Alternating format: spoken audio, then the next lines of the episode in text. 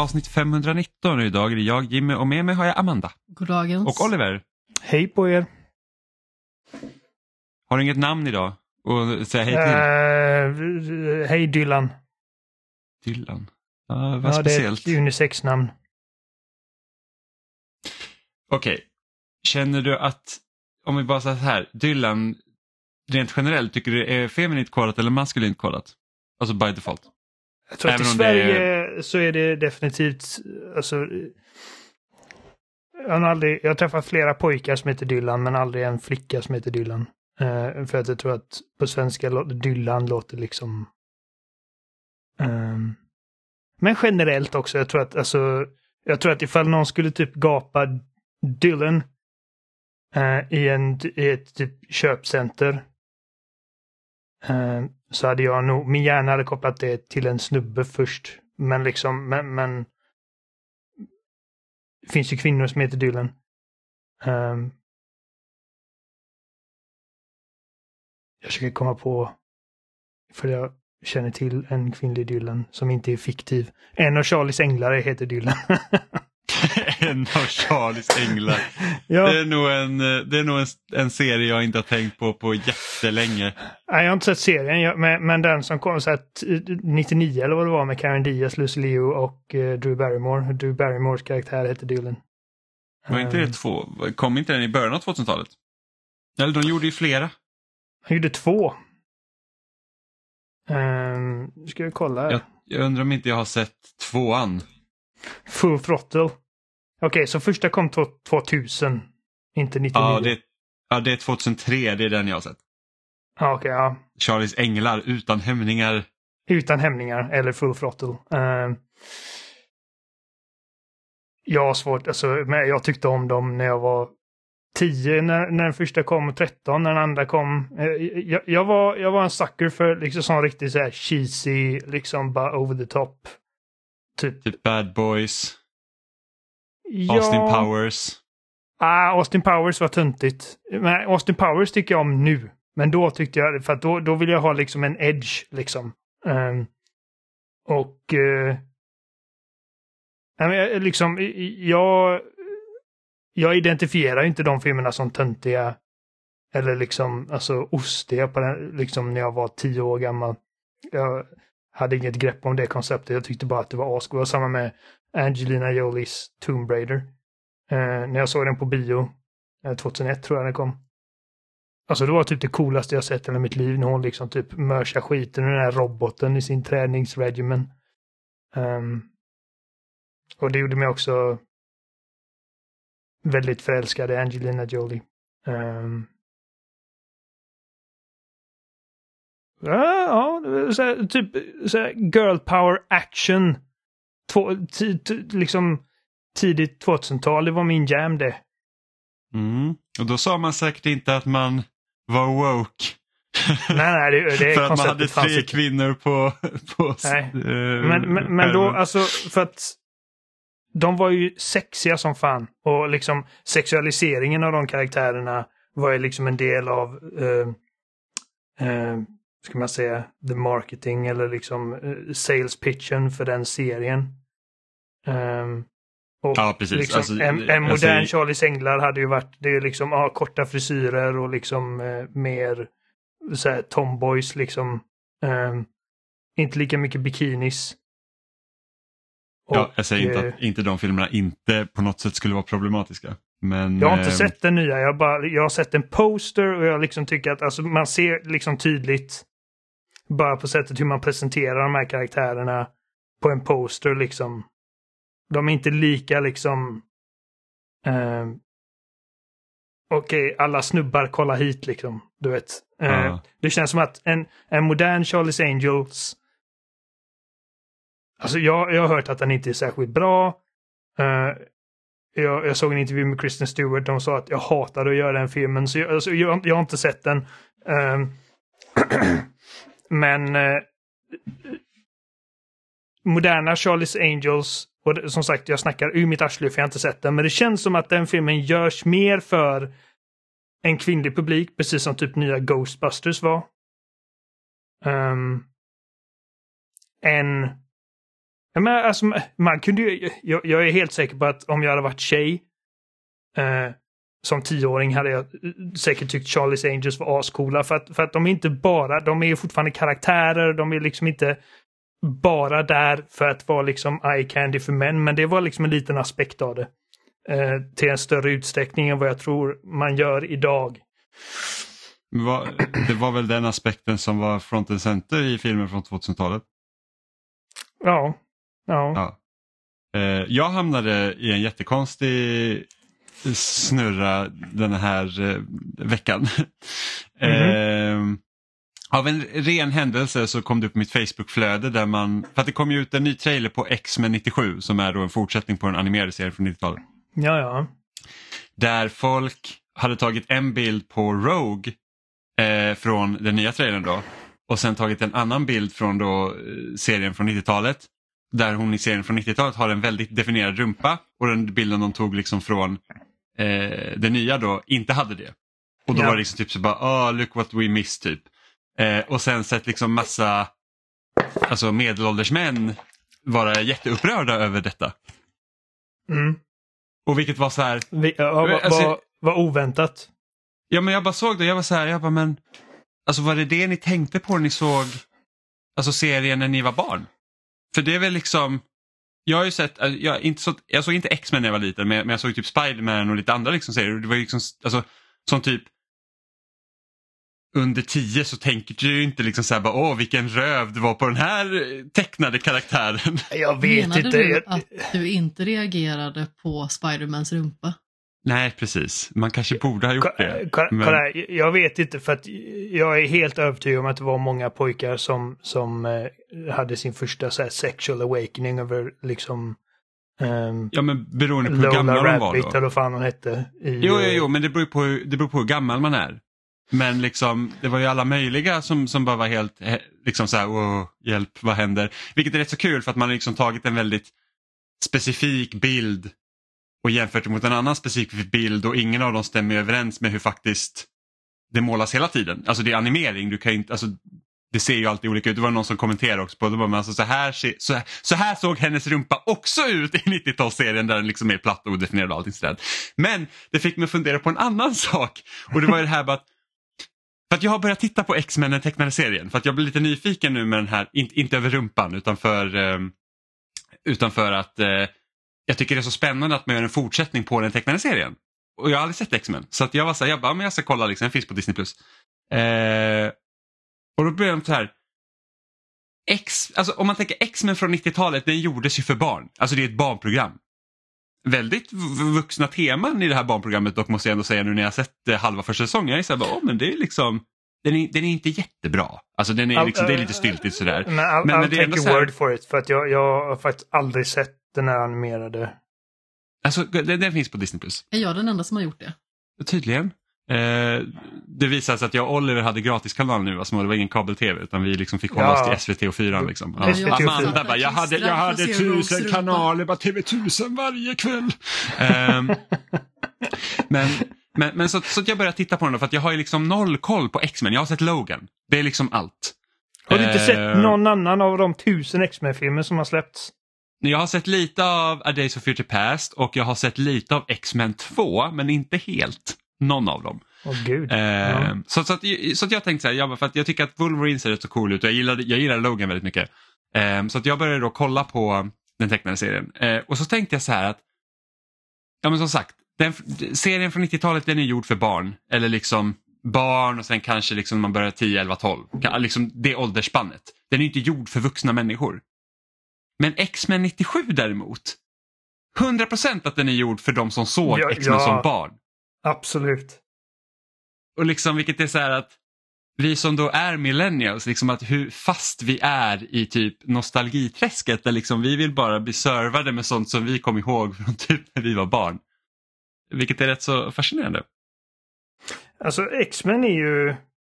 Det är en sån grej. Alltså, jag skrev detta på Twitter häromdagen. Att det känns som att du är liksom... Du måste vara, ha liksom noll media literacy för att vara liksom höger. Uh, för jag, jag, kan inte fatta hur liksom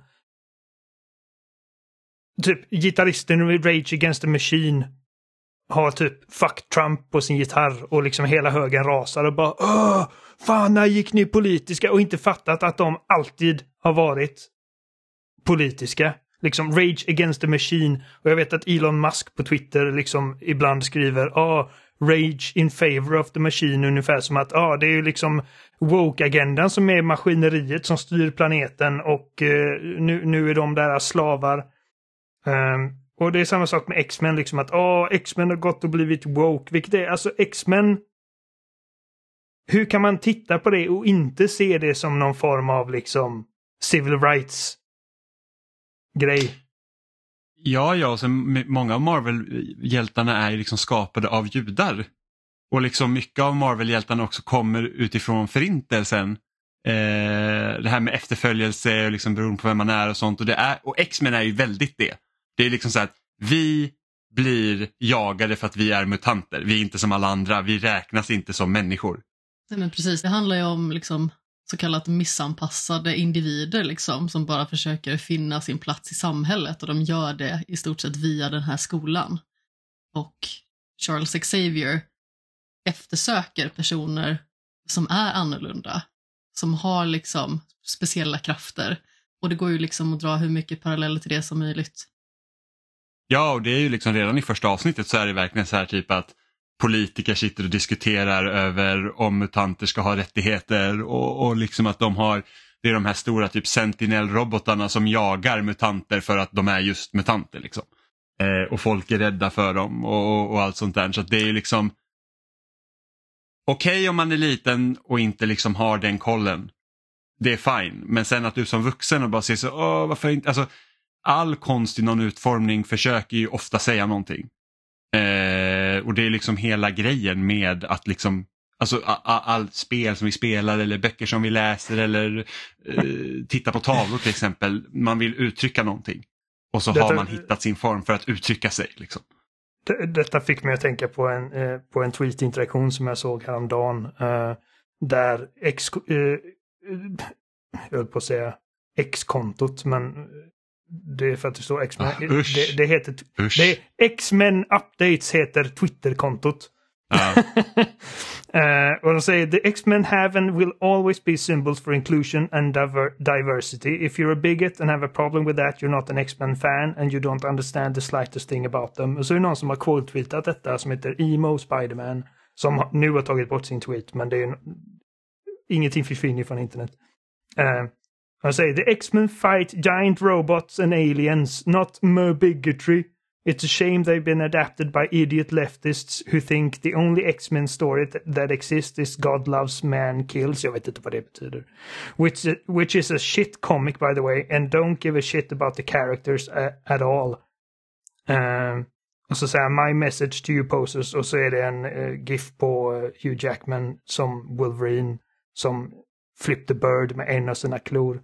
Och så är det någon som har svarat, eller någon, eh, Cosmonaut Marcus eh, som gör väldigt bra YouTube-videos. Eh, svarade Where do you think the robot came from dipshit? ja, men liksom så här, om det är så du vill interagera med dina medier, liksom inte tänka djupare eller något sånt eller du vill bara se robotar slå på varandra så fine, alltså gör det men liksom kom inte bli upprörd när folk har analyserar det på ett annat sätt och liksom hittar paralleller och hittar dolda meningar eller vad som helst. För det, det är det man gör till exempel när man när man liksom kör close reading på böcker till exempel. Det är så att om jag säger att jag skulle köra en close reading om Harry Potter till exempel och så, så här, med utgångspunkten att okej okay, men J.K. Rowling har, eh, har tveksamma åsikter om transpersoner. Har tveksamma, hon har skitåsikter om, om transpersoner. Eh, syns det i böckerna. Det är ju ingenting hon rakt ut skriver i någon Harry Potter-bok. Liksom att, så här, att transpersoner bu, liksom, eller så här, de borde mördas och hängas för att eh, människor ska typ se och hurra. Eller sådär. Men, men då kan man liksom börja, okej okay, men finns det uttryckligen i böckerna? Och det är så man börjar liksom läsa passager och dra tolkningar och paralleller och ta hjälp av olika teorier för hur man uttrycker sig och allting sånt möjligt. Och, och det är liksom inte gemene man som gör så. Ingen Såklart konst, vad det nu kan, vilken, vilket medium det nu kan vara, bara liksom dyka upp från ingenting Liksom. Och, och, och det är många fall som, som en konstnärs politiska åsikter eller tankar eller sådana här grejer kan liksom omedvetet dyka in i, i deras verk bara för att liksom det kommer från den personen med den personens världsbild. Och eh, alla är inte jätte, eh, ska man säga, har inte världens bästa självinsikt i sådana här grejer. Jag menar, jag, med de senaste tio åren har jag liksom tänkt och, och, och jobbat på hur jag uttrycker mig och hur jag tänker om saker och ting. Um, jag, menar, jag kommer ihåg när liksom och detta var nog innan liksom hela eh, eller det var definitivt innan liksom Gamergate Game. Men när man började snacka om liksom spelmediet ur ett feministiskt perspektiv. Och min första liksom eh, som ung man reaktion var liksom att jag blev lite defensiv. Liksom. Att det kändes som att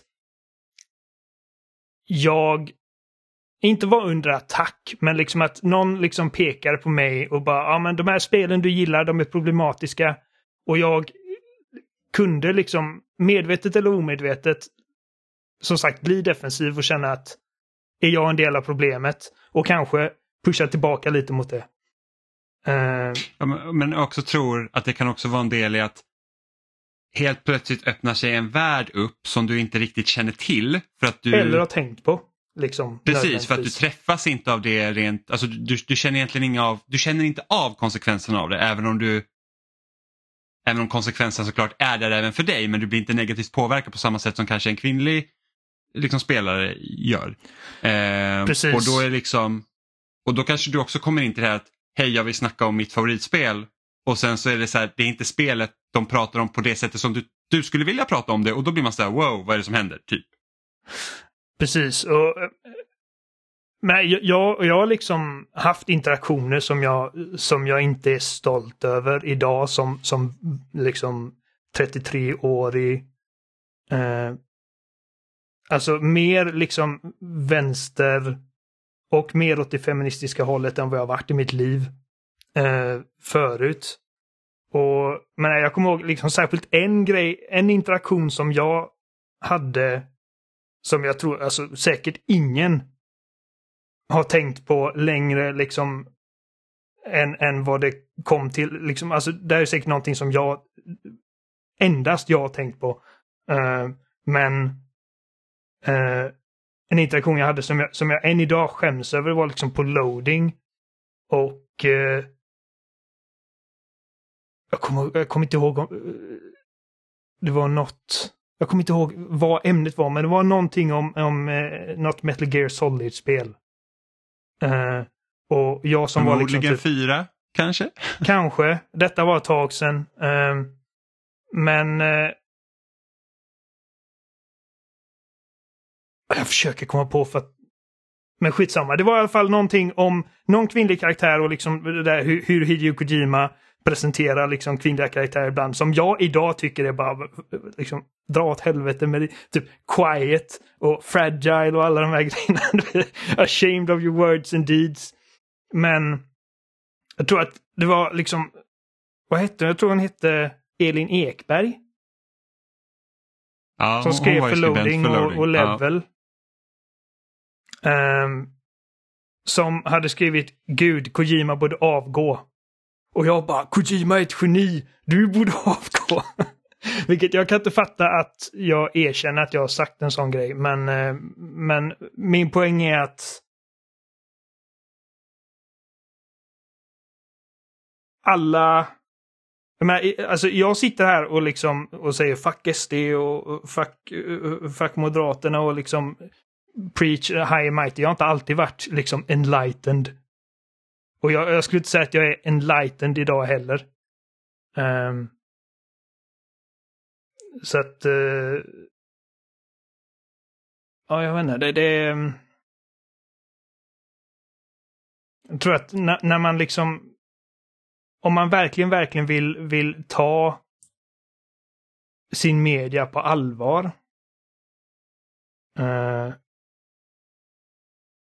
så behöver man liksom, eller behöver, Alltså, jag, jag känner för, för om, om jag vill ta min media på allvar så vill jag liksom gå ett extra, extra steg och försöka tänka på vad de här grejerna betyder. Och jag tänker på liksom en sak som uh, The Last of Us 2. Och som nu då särskilt när kriget i Gaza har liksom eskalerat så mycket som det gjort på senaste tid. Och man har börjat prata om, för att Neil Druckmann är, är ju från Israel. Och Mm. eh, man har börjat prata om liksom paralleller i storyn i Last of Us 2 som jag, som jag älskar. men Liksom, jag, jag verkligen älskar Last of Us 2.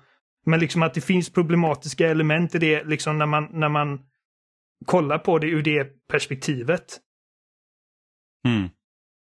Och det betyder liksom inte att The Last of Us 2 helt plötsligt är ett pissigt spel, men man kan liksom peka på en sån grej och säga att ja men det här är någonting som, som kanske är värt att tänkas på. Mm. Och det, det är någonting som jag tror att ja, men en del missas det liksom när, när de här diskussionerna kommer på tals. Men liksom att, för att du kan ju gå in i ett verk och säga så att jag ska inte avgöra om det här är bra eller dåligt utan vi vill liksom avgöra alltså, vad, vad säger det här om världen till exempel. Det går Eh. ju att ha två tankar i huvudet samtidigt. Man kan ju fortfarande tycka att någonting är väldigt bra men också liksom ha kritiska punkter på ett verk. Och som du sa tidigare Oliver, att du kunde inte förstå att du liksom erkände att du inom citationstecken liksom gjorde bort dig på det sättet. Nej, jag funderar Det på om vi ska väl klippa väldigt- bort det.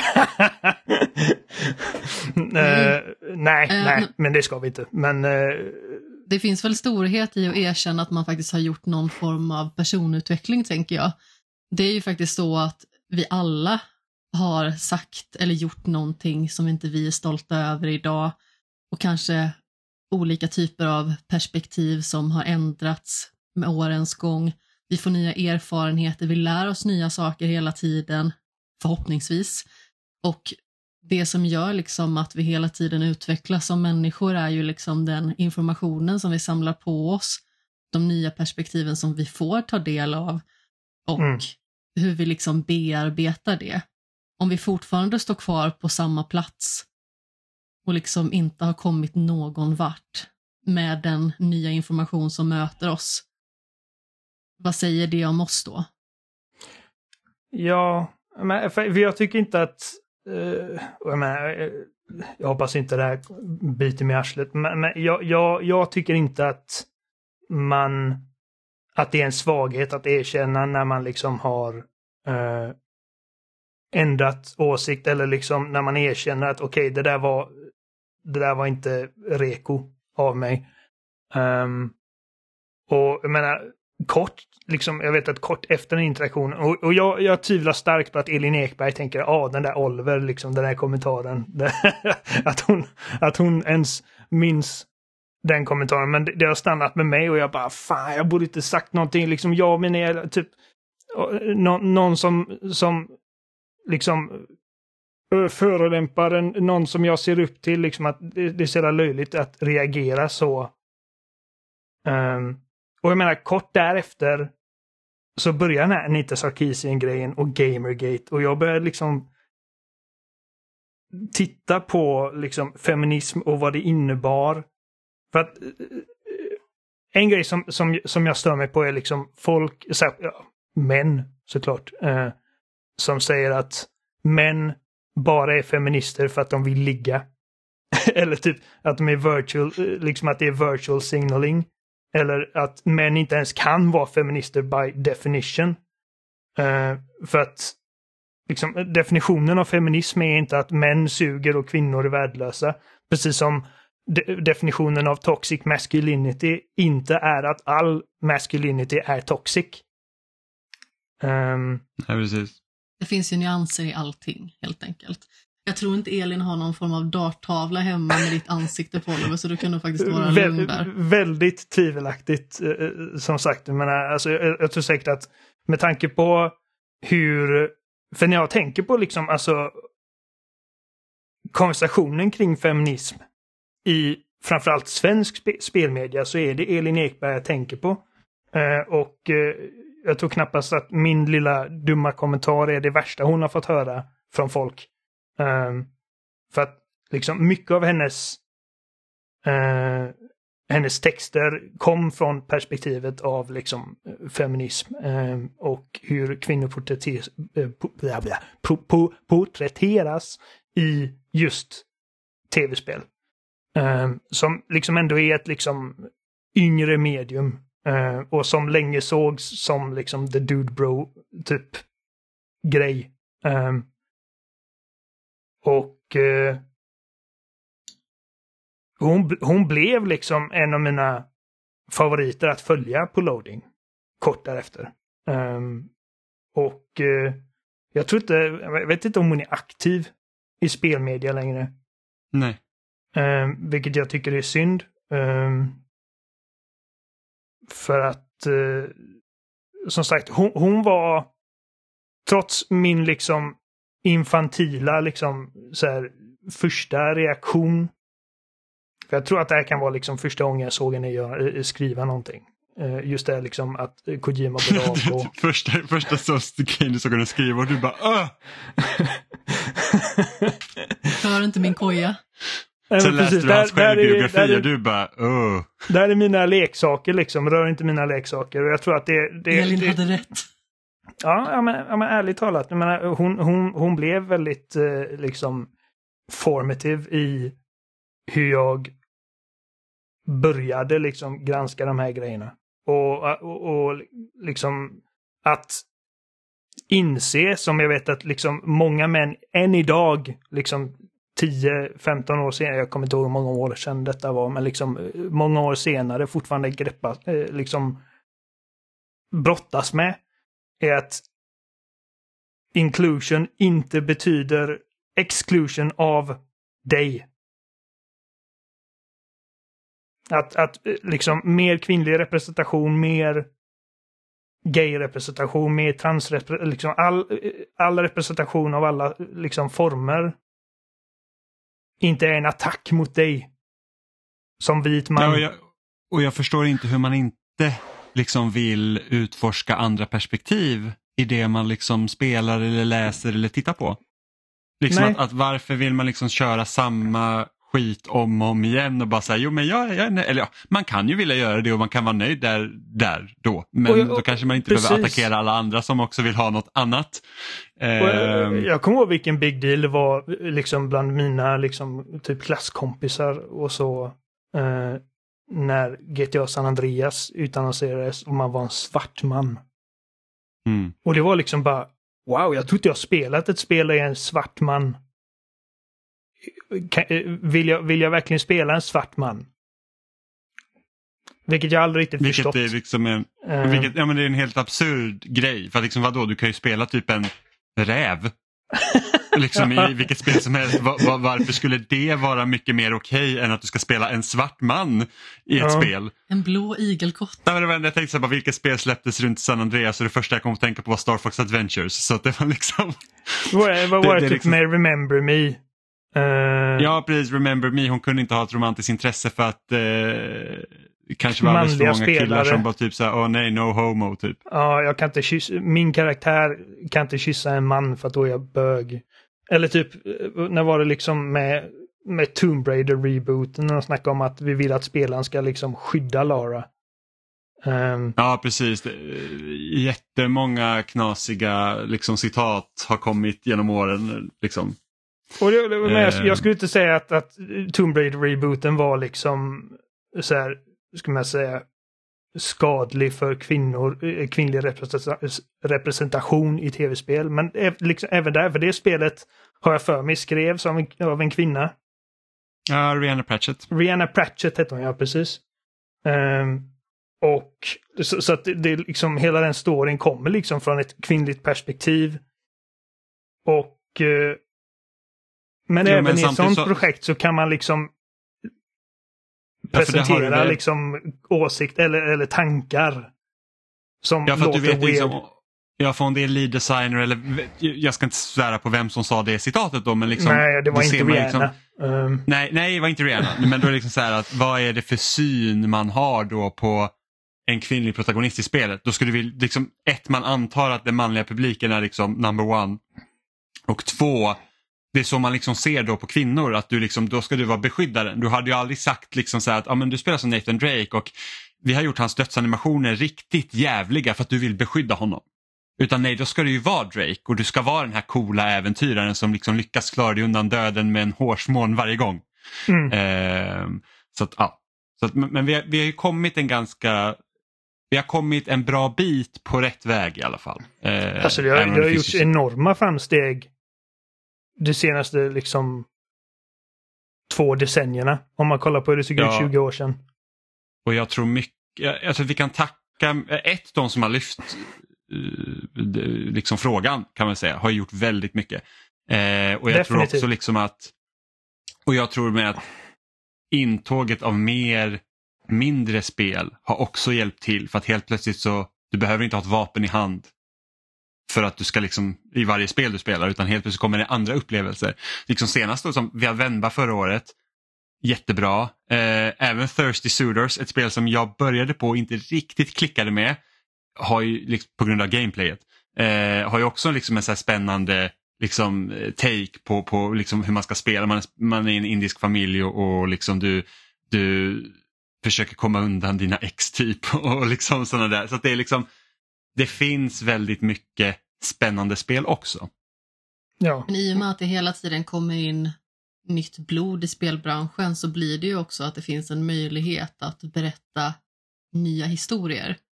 Det är ju liksom inte bara de här lite större titlarna som får stå i rampljuset utan det finns små titlar som lyfts fram Mm. och som verkligen har någonting helt annorlunda att säga.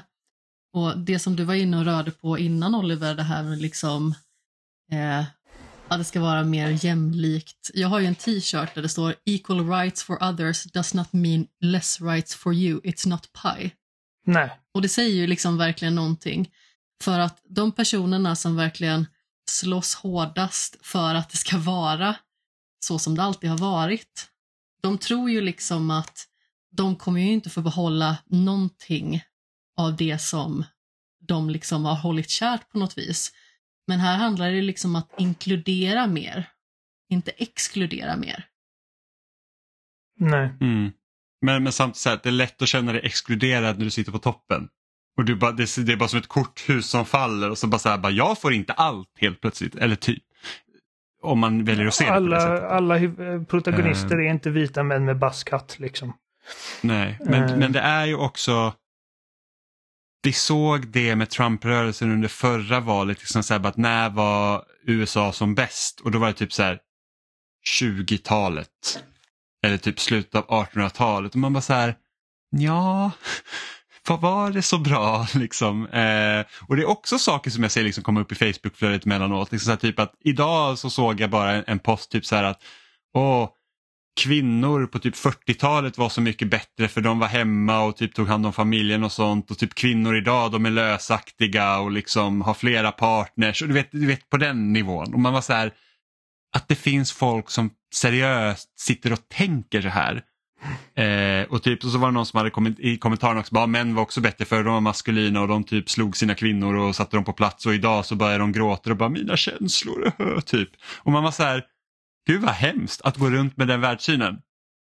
Jag kommer ihåg, alltså, jag tänker mer på detta än vad jag vill göra, men, men jag kommer ihåg när en paparazzi hade liksom tagit ett foto på Daniel Craig. Där han är ute på promenad och har sin, sitt barn i en sån här sele på bröstet. Mm. Eh, som en förälder, liksom. eh, och Piers Morgan hade quote-tweetat detta med Åh, inte du också Bond, är du också en sån jävla eh, liksom eh, typ, bara käring som går runt med din bebis på ditt bröst. Bara, alltså, det är ju vad toxic masculinity är. Ja, man bara, nej han tar hand om sitt barn, gud vad hemskt. och det är att du, du kan liksom inte visa känslor, du kan inte, du kan inte gråta när du är ledsen. Ehm, och alltså toxic masculinity i att men det, det är ju liksom en, en stor bidragande faktor till att liksom majoriteten av människor som tar livet av sig är män. Mm. Ehm, den här ensamheten man känner liksom att man det, det är en svaghet att, att erkänna sig sårbar. Och till slut så bara liksom det rinner över och, och, och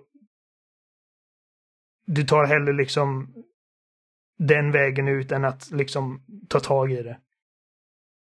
Jag tror att min, min liksom least favorite grej med liksom eh, den här liksom, ska man säga, moderna nya vågen av eh, inclusion i media, inte bara i spel utan liksom i, även i film och serier och allting, är att när jag ser det så är min första reaktion alltid, ja, ah, det här kommer jag se folk bitcha om på Twitter imorgon. Um, mm. Men jag, jag och Adam, vi kollar på uh, säsong två av Halo-serien. Och uh, i det senaste avsnittet så är det uh, en scen där en Spartan går för att uh, hälsa på sin uh, tränare hemma i hans lägenhet och man inser att uh, de, han har en dejt med sin pojkvän eller man eller partner. Alltså, så, så det visar sig i den scenen mm. att ah, den, här, den här mannen är gay. Och han, och han, pus, han, han kysser sin man som står och lagar mat i princip. Och, och Adam sa direkt, det här kommer de bli glada över. Och jag bara, det var exakt min första tanke. Det var liksom att jag kan inte finna mig i ögonblicket och bara liksom ta del av den här storyn utan att tänka att det här kommer folk gnälla på. Och inte liksom en halv dag senare, liksom jag sitter och scrollar på Facebook på jobbet och så ser jag någon som heter Niche Gamer säga Ah, after a nice day of hard work, I just want to relax and watch the brand new television season ad adaptation of the hit video game Halo. Can't wait to see how many alien Master Chief, uh, aliens Master Chief kills this epis. Och så är det bara en bild på de två som kysser varandra. Ungefär som att, ja. Ah. Han fick inte sin alien-slakt som han praktiskt taget kan slå på sin Xbox och spela. Precis. Um, Åh nej, kvällen är förstörd. Vad ska jag göra nu? Ja, men, Kommer de med sin woke agenda och trycker upp i nyllet på mig när jag enbart ville se Master Chiefs biceps genom hans armor. Hö högern snackar om the aliens. woke mind virus. Och, ja. och det finns ett woke mind virus, men det är de som har det. För att det är det enda de kan tänka på. Alltså liksom all deras energi, varenda fiber och deras väsen är liksom dedikerat till att störa sig på de här grejerna. Mm. Precis, de är ju verkligen besatta av att bli upprörda av den här typen av liksom inkluderande bitar i tv-serier, i spel, i filmer eller vad det nu kan vara för någonting. Alltså, det här är ju liksom delar av samhället som alltid har existerat. Det är bara det att det har varit tvungen att vara undangömt på grund av det toxiska synsättet. Ja, mm. men och det, det, liksom, det fäster sig som en, typ en, en sorts cancer liksom, för att det får fäste någonstans och sen så hittar fler människor det och sen så liksom förstärker det de som faktiskt har de här åsikterna, de liksom känner sig inte ensamma i det. Utan det har vi ju sett liksom, i samtal som har gått liksom, de senaste 10-15 åren, liksom, att det är mer okej okay att säga vidriga saker än vad det kanske var förr. För att folk höll det för sig själva och nu är det liksom, alltså gå in på Facebook och det är liksom vardagsmat. Det är så här, det där hade du ju aldrig sett typ någonstans. Alltså hade någon sagt det förut så var det så här, men gud vilken udda människa. Men alltså nu är det verkligen liksom så här högafflar upp och, och liksom vi säger lite vad vi tycker. Eh, och men där har ju faktiskt de sociala medieplattformarna en del i den kakan för att för att tjäna pengar på det så kräver det att du får det här engagemanget och det får du via kontroversiella saker, alltså kontroversiella inom citattecken, där du river upp känslor och får folk egentligen att bli arga. Eh, och jag kan ju tänka mig att många som känner, det är därför typ så här, ja men typ så här Amber Heard och Johnny Depp-grejen. Var det att var folk tjänar liksom multum på att liksom börja göra sådana videos om det, trots att de egentligen inte hade något. Liksom, ja, gud vad stort det var. Med, ja, och det är ju och det bidrar till det, liksom att okej okay, men jag kan antingen göra den här videon om typ det här spelet jag gillar och få några views. Ja, fine. Men du kan också göra en video om du säger att du hatar den här aspekten i det här spelet och få jättemycket helt plötsligt för att det liksom driver engagemang och då kommer det komma in i algoritmerna och få säga, ja det här klickar folk på så vi visar det mer och mer och mer. Eh, och, och, och Adam säger det ofta är. till mig. Uh, att hade jag, hade jag bara inte varit hade jag varit en risigare människa så hade jag kunnat bli, jag hade kunnat göra det till ett heltidsjobb att bara klaga på de här grejerna.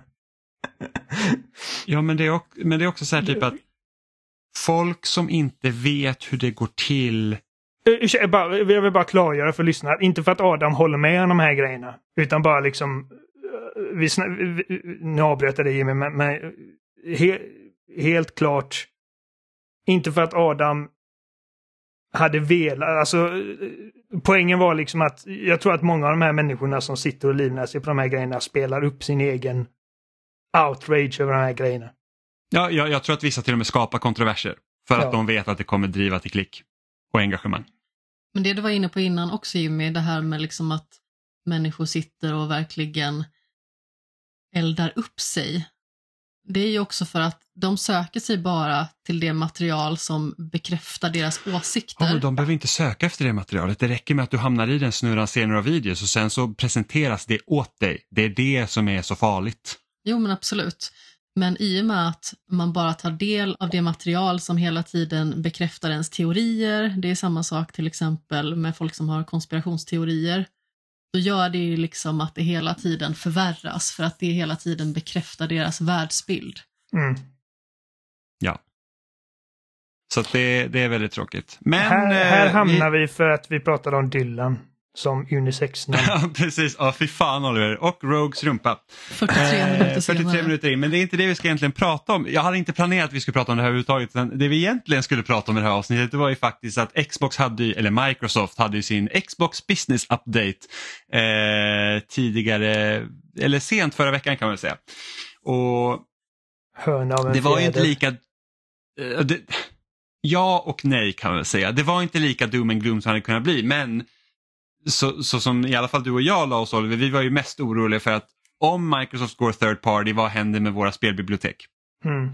Och, och det fick vi ändå, eller vi fick typ svar på det var att de sa fortfarande att liksom hårdvara ligger fortfarande hos Xbox, våra bibliotek kommer inte försvinna och då kan man väl i alla fall känna sig lugn nästkommande sex månader eller nästkommande generationskonsoler för att vi vet ju faktiskt, alltså så här när det här väl är Ja. uppe på bordet så vet vi faktiskt inte vad som kommer hända framöver för att Mm, det vi nej. vet då från den här business updaten är ju det att fyra spel kommer att komma till eh, andra konsoler än Xbox då och utanför PC, det vill säga Playstation 5 och förmodligen Switch. Och det, de spelen som har ryktats är ju Sea of Thieves, Hi-Fi Rush, Pentiment och sen vet inte jag vad det fjärde spelet är.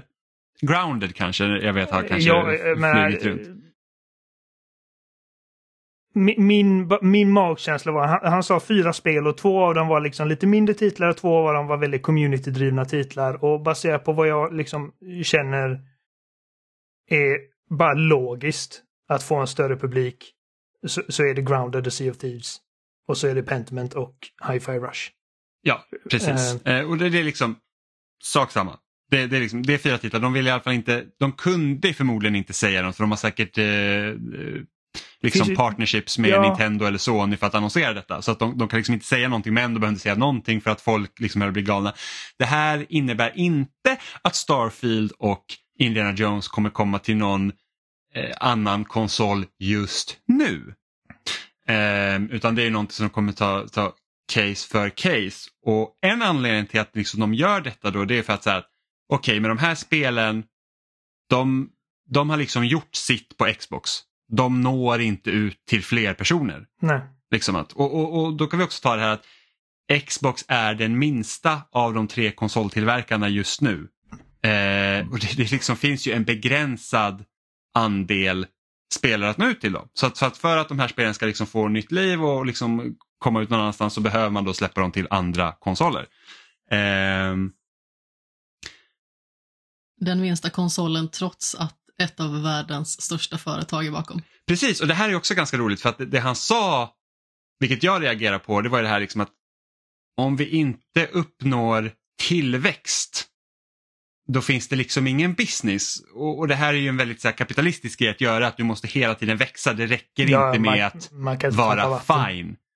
Liksom, nej, men inte bara trampa vatten, utan det räcker inte bara med att gå runt heller. Till exempel. Alltså Nej. det är så att Nej. Säg att ja, men vi tjänar så här mycket på Xbox, det går liksom bra på det vi har. Men vi måste hela tiden växa. Och vilket är ganska kul då från, från för några veckor sedan i alla fall världens största företag säger att de måste växa. Vad är det de ska växa till? Men såklart då är det ju, inte för att kalla mig dum i huvudet nu, men då är det ju. Xbox-grenen i liksom Microsoft. Men ändå, det är ändå kul att höra ett så här 3 triljoners dollar företag säga så här, vi måste nå tillväxt. Och man säger bara, vem ska ni växa förbi? Men Eh, marknaden finns Växa ju där. ifrån snarare. Ja, precis. Och det här är ju det som är problem med marknaden, att det är liksom aldrig good enough. Du måste alltid växa. Eh, ja, men, men I liksom gamingsfären bara- så pratar vi om att ah, Microsoft blöder och Sony liksom eh, går bananas. Men Microsoft sitter ju på pengar som Sony bara hade kunnat drömma om. Ja, precis. Alltså, Liksom.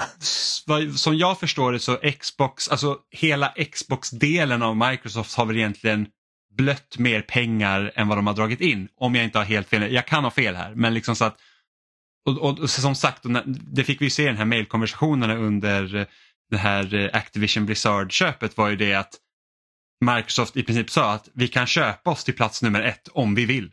Ja. För att de har så mycket pengar. Eh, vilket är helt absurt. Det är klart att Men- man blöder lite när, när man under så kort, liksom så relativt kort tid liksom verkligen aggressivt köper utgivare som, som Microsoft har gjort. Um. Ja, och, och, och, och det, jag vet att vi pratade om det här också, för förra, förra veckan var ju också det här att om Microsoft skulle gå third party, det finns liksom egentligen inget riktigt företag som kan komma in och liksom bli den tredje spelaren. Eh, nu. Så som, så, som, så som det ser ut nu. Eh, eftersom det är liksom det är hårt på alla fronter, utom för Nintendo tror jag. Men det är för att de inte har liksom massiva budgetar och de, de överspenderar inte tydligen. Även Sony har ju Eh. snackat om liksom eh, så här, eh, ska man säga, disappointing sales figures under eh, eh, liksom holiday-rean nu senast. Ja, ja, Och- de skrev ner målet för att sälja PS5 under, eh, under liksom deras finansiella år. Ehm, och liksom att PS5 har liksom nått en platå trots av trots av att det liksom har gjorts prissänkningar på konsolen som inte vi märker av då i, i Sverige med tanke på att när konsolen här är på rea så är den dyrare än vad den var när den släpptes. Mm. Ehm, och, och liksom att det är hårt för alla. Just på grund av att spelbudgetarna har blivit så pass stora eh, och spelen säljer inte tillräckligt mycket mer som, som liksom svarar upp på den budgeten. Eh, och det- och det, det här vet jag att det pratar man redan när Epic sålde Gears-varumärket till Microsoft så pratade de om det att vi kan inte fortsätta att göra Gears för att varje Gears-spel blir budgeten så mycket högre men spelen säljer inte så mycket mer. Nej. Så att då har du tre spel som alla säljer lika men vi kan säga att här, budgeten dubbleras varje, för varje spel. Exempelvis. Och Mm. det, är liksom, det är inte hållbart. Eh, och då är det liksom också så här frågan varför budgeterar man inte på ett sätt som gör det hållbart? Liksom att, liksom någonstans måste man börja scopa de här projekten så att de inte blir så massiva. Men det är också, vad är det man kollar emot? Är det liksom spelarnas förväntningar på vad ett AAA-spel ska vara och att man är rädd för att man inte når upp till det? Det är ju det, det, det jag är helt övertygad om är liksom en, en viktig faktor är, är konsumentens och där är ju liksom även, menar, jag är inte immun mot detta, det förväntningar på okej nästa spel. Liksom, ha- hade God of War Ragnarok kommit ut och inte varit liksom en eskal eskalering på något sätt så hade det känts, ah, okej. Det, det är liksom, det är den förväntningen man sätter sig. Liksom bigger, better and more badass. Mm. Um, som, liksom, om, det, om man kollar på typ Tomb Raider eller Lara Croft and the... Uh, jag kommer inte ihåg vad det hette med Twin Stick uh, Shooter Puzzle Co-op-spelet. Ja, Ehm, precis. The Temple of Osiris. Ja, precis. Det är det, det, jag tror det är det andra spelet i den liksom spin-off-serien. Eh, men exakt. Guardian eh, of Light hette det första. Guardian, exakt så. Precis, tack Amanda. Um, Ehm, ett sånt spel säljer ju inte lika mycket som Rise of the Tomb Raider gör. Och det, det har ju ingenting att göra med hur bra den typen av upplevelse är jämfört med hur bra Rise of the Tomb Raider är. Utan det är liksom, man tittar på det och liksom det är inte lika marketable. Nej, alltså jag skulle säga att de har förmodligen inte samma marknadsföringsbudget. Ja, men jag, Och- jag, jag, jag, tror att, jag tror att även om de hade haft samma marknadsföringsbudget så hade inte eh, Guardian of Light sålt lika bra som ett Rise of the Tomb Raider. För om du visar upp en trailer på Rise of the Tomb Raider med massiva set pieces och grejer, det kallar in en större publik än, än liksom nej, nej, för att man har satt andra förväntningar. Alltså i, i en parallell verklighet där man lyfter upp de spelen som the shit så kanske det sett annorlunda ut. Kanske. Jag, menar, men, jag, vet, jag blir inte lika exalterad över ett Halo Wars som ett Halo 6 eller ett Halo 7 eller whatever. Um, ja, eller bara för att jämföra senaste Prince of Persia till exempel. Ja, exakt. Jag menar, det, Prince of Persia, det senaste är förmodligen eller liksom nästan i min, i min åsikt tveklöst det bästa spelet i den serien sen det första spelet. Men det, det har inte sålt lika bra som någon av de stora. Ja, nu sitter jag här och tar massa skit i röven. Jag har ingen aning om hur, hur väl uh, Warrior Within, Two Thrones, uh, Forgotten Sands och den där uh, rebooten sålde. Men jag förmodar att det var mer än 300 000 exemplar. Mm. Jag vet inte.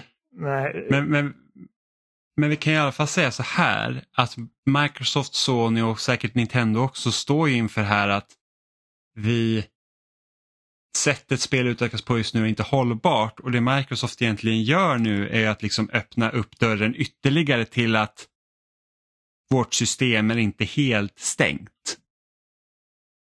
Eller att vi, våra spel kommer inte enbart på Xbox och PC då. Och, och vi såg ju med Helldivers 2 nu att ett spel som är Sonys första part.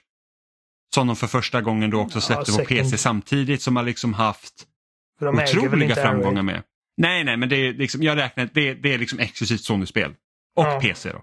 Men det är liksom, jag tror Sony är med och finansierar det så att jo, det. det, det blir ett Sony-spel. Eh, där de släppte det på PC samtidigt och några otroliga framgångar som de inte har gjort på samma sätt med Spiderman och med Horizon som också har kommit på PC. Eh, för att de har kommit senare. Och det gissar jag liksom på att folk går ut och köper en PS5 och fått spela de spelen dag ett. Eh, och då kanske intresset har svanat lite när de kommer till PC för att förmodligen är det en viss överlappning. Eh, så att vi vet ju inte vad det här betyder. Alltså Microsoft har ju varit liksom push, alltså pushande på andra sätt också. Som liksom de har ju, alltså med Game Pass till exempel, så, så även om det har liksom varit liknande tjänster funnits så har de inte blivit populariserade förrän Microsoft verkligen pushade hårt. Eller crossplay, eller att liksom igen få upp liksom bakåtkompatibilitet liksom i, i främre rummet så att, så att de, det pushar de andra företagen att behöva också tänka på det. Så vet vi inte vad som händer nu när liksom de, om de släpper mer och mer spel på andra plattformar samtidigt som de här budgetarna bara går upp och upp. Liksom, teoretiskt sett så hade det kanske också varit så att Sony till slut känner sig att äh, vi måste också släppa våra spel på Xbox för att få tillbaka lite så här, det, return of the investment. Det är någonting jag har tänkt på för att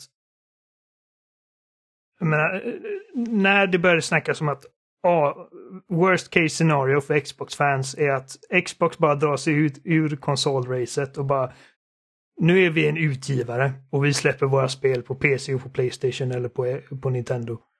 Um, och jag tänker, vad hade det gjort med Sonys verksamhet ifall det hade varit världens bästa business? Alltså om vi säger att liksom Microsoft helt plötsligt är världens bäst säljande utgivare.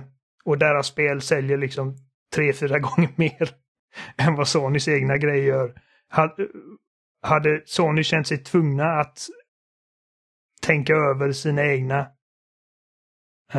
jag vet, alltså det blir svårare också det om vi säger att Xbox inte existerar längre för då, då är det liksom PC och Switch som gäller.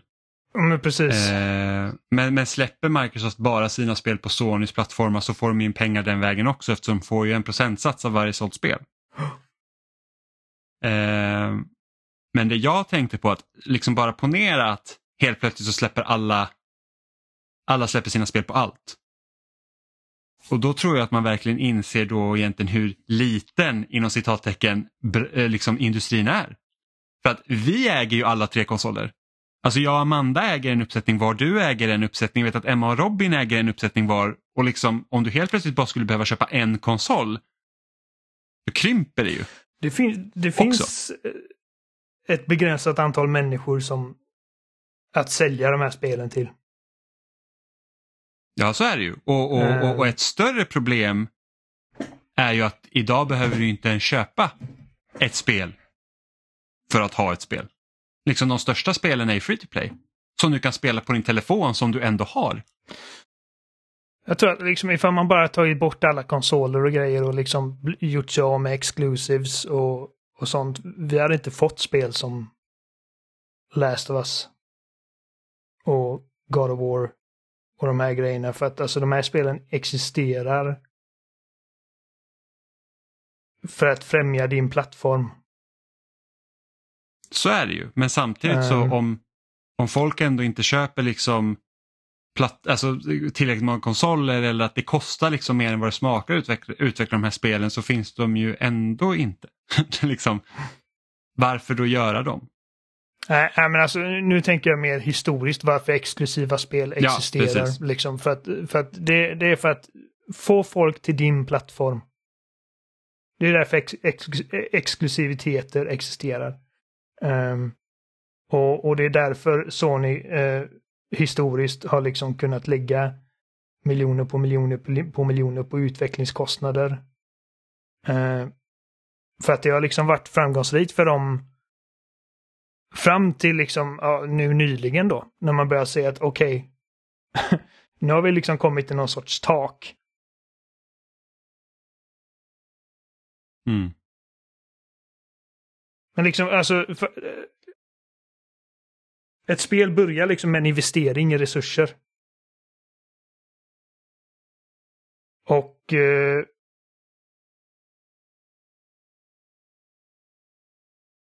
försöker komma på vart, vart jag var på väg i den meningen. jag bara, tappar tråden helt. kommer vignetten till eh, På spåret. Men precis, men, men alltså...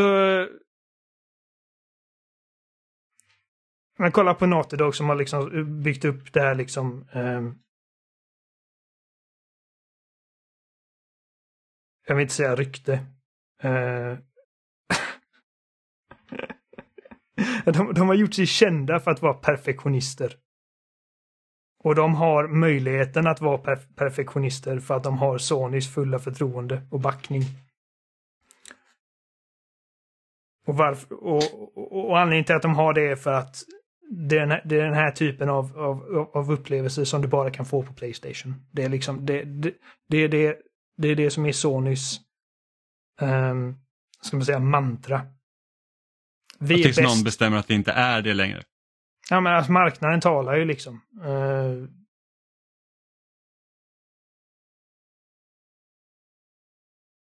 det finns alltid, För att nu hade, det finns alltid undantag Alltså- givetvis. För de hade ju nu, jag kommer inte ihåg vad hans position inom Sony nu, men han sa att Sony gör inte tillräckligt mycket för att dra in pengar på sina spel utöver det som är på Playstation. Vilket jag tolkar som att vi kommer se mer Sony-spel på PC snabbare Ja än vad det har varit idag. Och sen får man ju se vad som händer efter det. De, är, de, jätte, de jättestora vinnarna här är de som spelar på sin PC och har liksom en monsterrigg som kan spela allt. Mm. Eh, och, då kan, och då kan man också börja tänka sig, okej men vad är då meningen med en konsol om vi ändå kan spela allt på PC? Och det är ju att ska du ha en PC med samma spec som en PS5 till exempel så är det billigare att köpa en PS5. Ja absolut. Även om PS5 är dyr. Och det är också ett problem att konsolerna är så pass dyra just nu. Att liksom om man jämför vad de här konsolerna kostade under förra generationen under samma tidpunkt så var det ju mycket, mycket billigare. Och, och, och, och det är liksom tuffa tider rent ekonomiskt för typ alla. Så att vi vet ju inte hur det hade sett ut om, Ja. Förutom Om det var liksom- miljardärerna. om det, om det ja men precis. Eh, förutom de som har De pengar. rikaste är, Eh. är rikare än någonsin. Ja, ja, de Och bara, de oh, fattiga är fattigare gud, än någonsin. hur, jävlar jag är inte lika rik som jag var igår men jag är fortfarande snuskigt rik men det här går håller inte. eh, så att det är ju det, det, det är ju tråkigt det är så. Men ja, vi får se vad, vad för att jag tänker så här att om Microsoft också inser liksom att så här, att, okej de börjar släppa sina spel på andra plattformar och det är helt plötsligt är så här att wow, vilken grej, det här var ju verkligen värt det för oss. Mm. Då vet man inte hur jävla liksom, mycket man vill hålla kvar i sin låda. Det regnar pengar plötsligt. Ja, men då är det Eh. också så att, okej, men vad betyder det för Xbox? och vad betyder liksom det för våra... För, att, eh, liksom let's face it, det, det vi var mest oroliga för var ju vårt, vårt liksom uppbyggda spelbibliotek.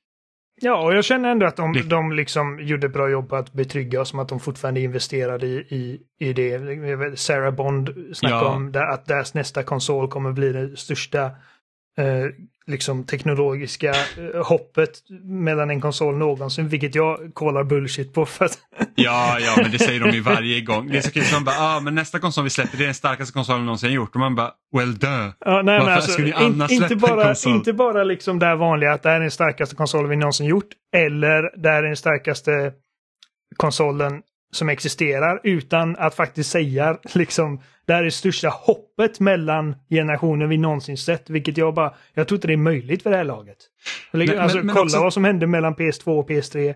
Eller PS1 och PS2. Ehm, Ja, men, men, men då är det också okej, men om det är den konsolen ni gör och ni är nummer tre på marknaden, vem kommer utnyttja det till fullt ut? För ni släpper ju inga spel. I alla fall inte med den kalibern. Liksom- Okej, nu, nu var jag Nej. ganska taskig.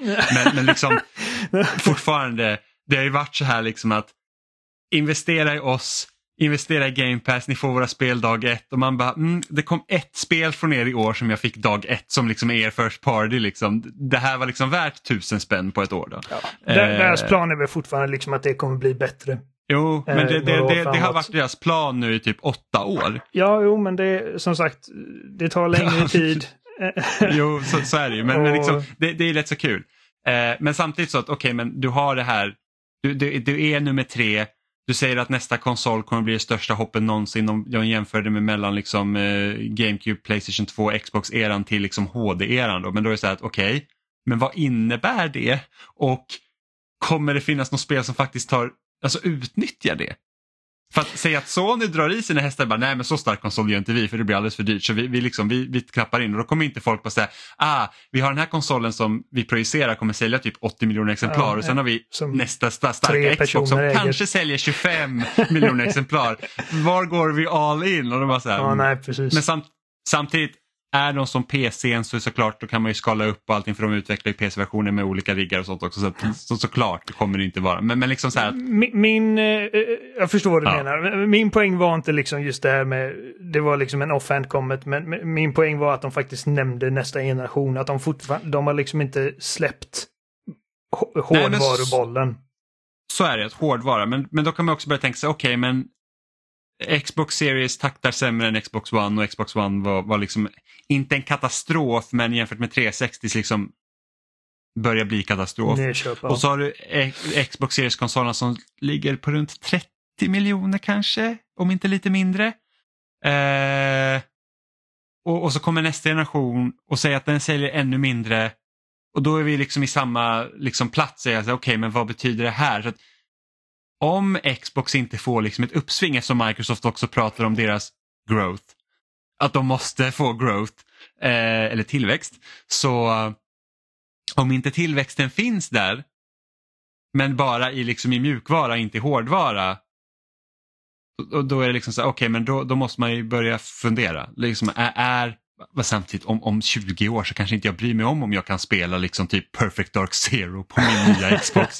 Det, det vet ju inte jag men, men liksom Ifall, in, ifall ingen tillväxt uppnås så kommer det, de människorna som, som har hand om Xbox som plattform idag kommer inte ha sina jobb längre. Och det kommer ersättas av folk Don Matrick gör som återkomst. Don Matrick. Så, och alltså, han bara, vi går all in på Kinect 3. För att Det var senast Ja, jag var med och då nu gick gör vi bara ja, free to play-grejer med massa mikrotransaktioner och, och, och det är det tillväxten handlar om. Det är liksom att göra Mm. Men- liksom, eh, de högsta hönsen glada och fortsätta Ja. liksom.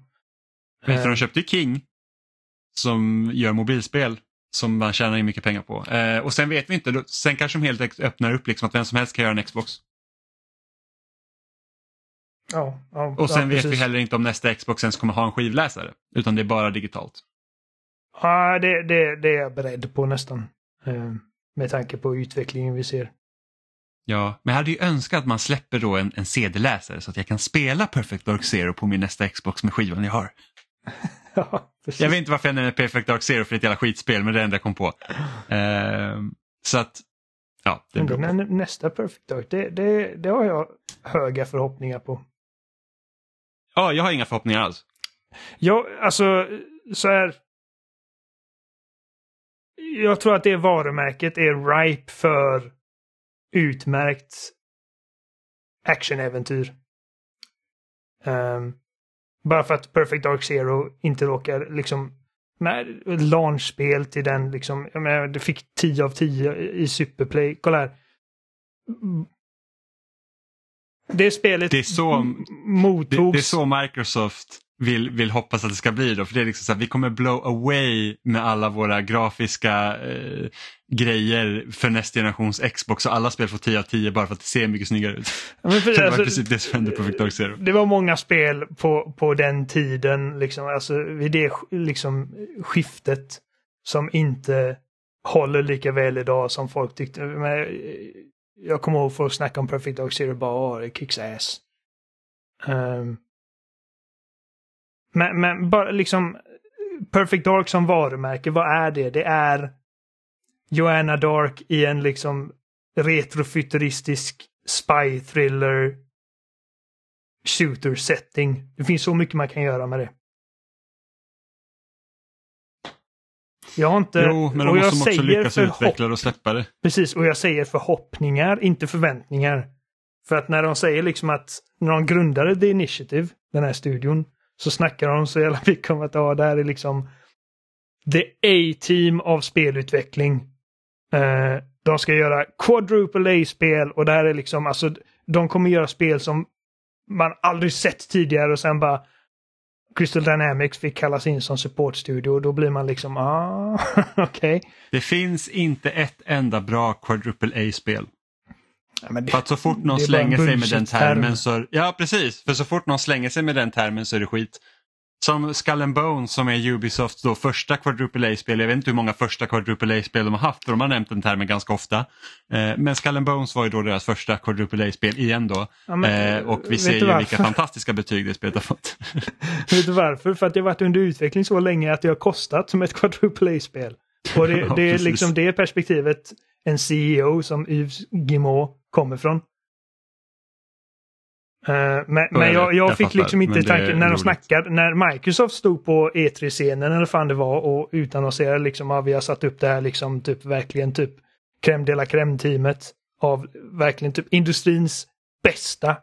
Och vi ska göra quadruple A-spel så sa de inte quadruple A-spel som att vi ska göra världens dyraste spel utan de, de, de menade vi ska göra världens bästa spel. Ehm, eller det är i alla fall ambitionen. Så att jag, jag är i alla fall grymt nyfiken på, jag menar, liksom, kommer det ens komma ut någon gång? Liksom, jag är jävligt nyfiken på hur det ser ut i spelet när det väl kommer. Ehm, Mm. Jag är dock inte så här, jag kan inte säga att Perfect Dark som IP gör någonting för mig. Jag hade hoppats att de hade gjort liksom saker som är helt nya. Ja, men jag tänker liksom, vad, vad är Microsofts Uncharted? Eller, eh, eller liksom Spiderman, liksom så här bara superpåkostat och super marketable liksom actionspel som, som når ut till den största massan möjligt men ändå inte är liksom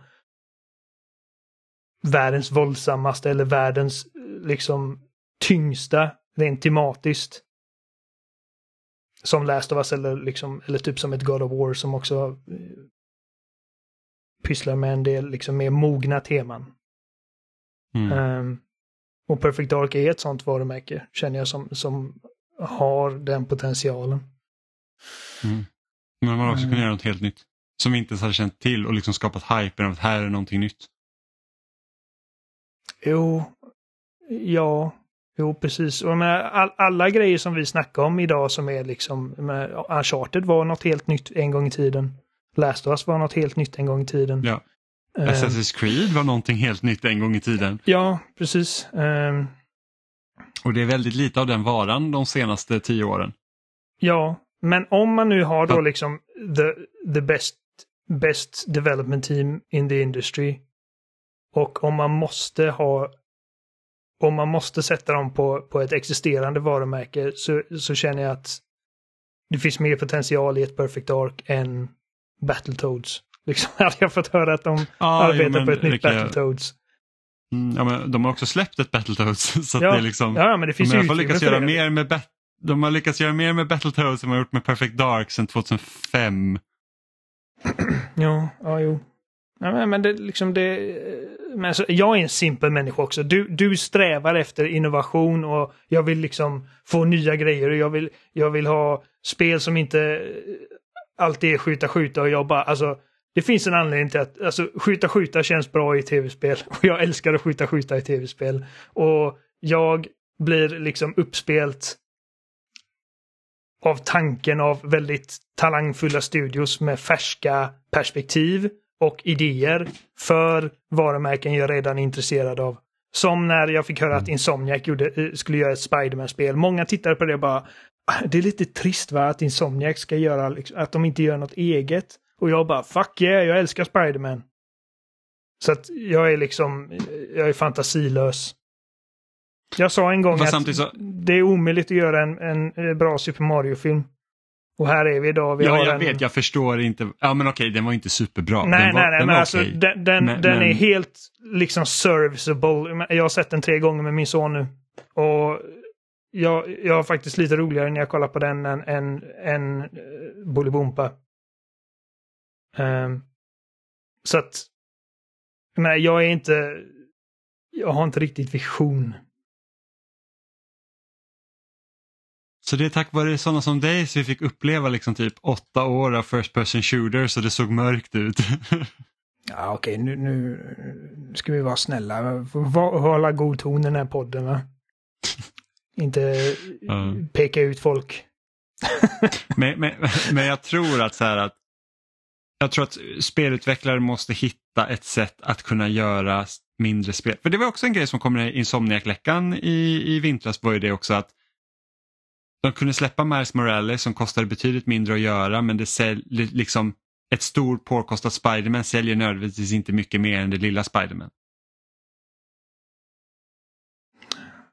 Nej, Vilket också är liksom så här att vi kanske inte behöver ha att varenda spel är ett evighetsspel. Och vi kan liksom, ja, vi kanske kan återgå till att ha typ kampanjer som är 8-10 timmar. Och det är bra så. Men samtidigt så att med tanke på att spelprisen också ökar, Final Fantasy 7 Rebirth 900 kronor, eh, ja, så, så kommer det också kännas svårare att liksom lägga 900 spänn på ett spel som tar slut fortare.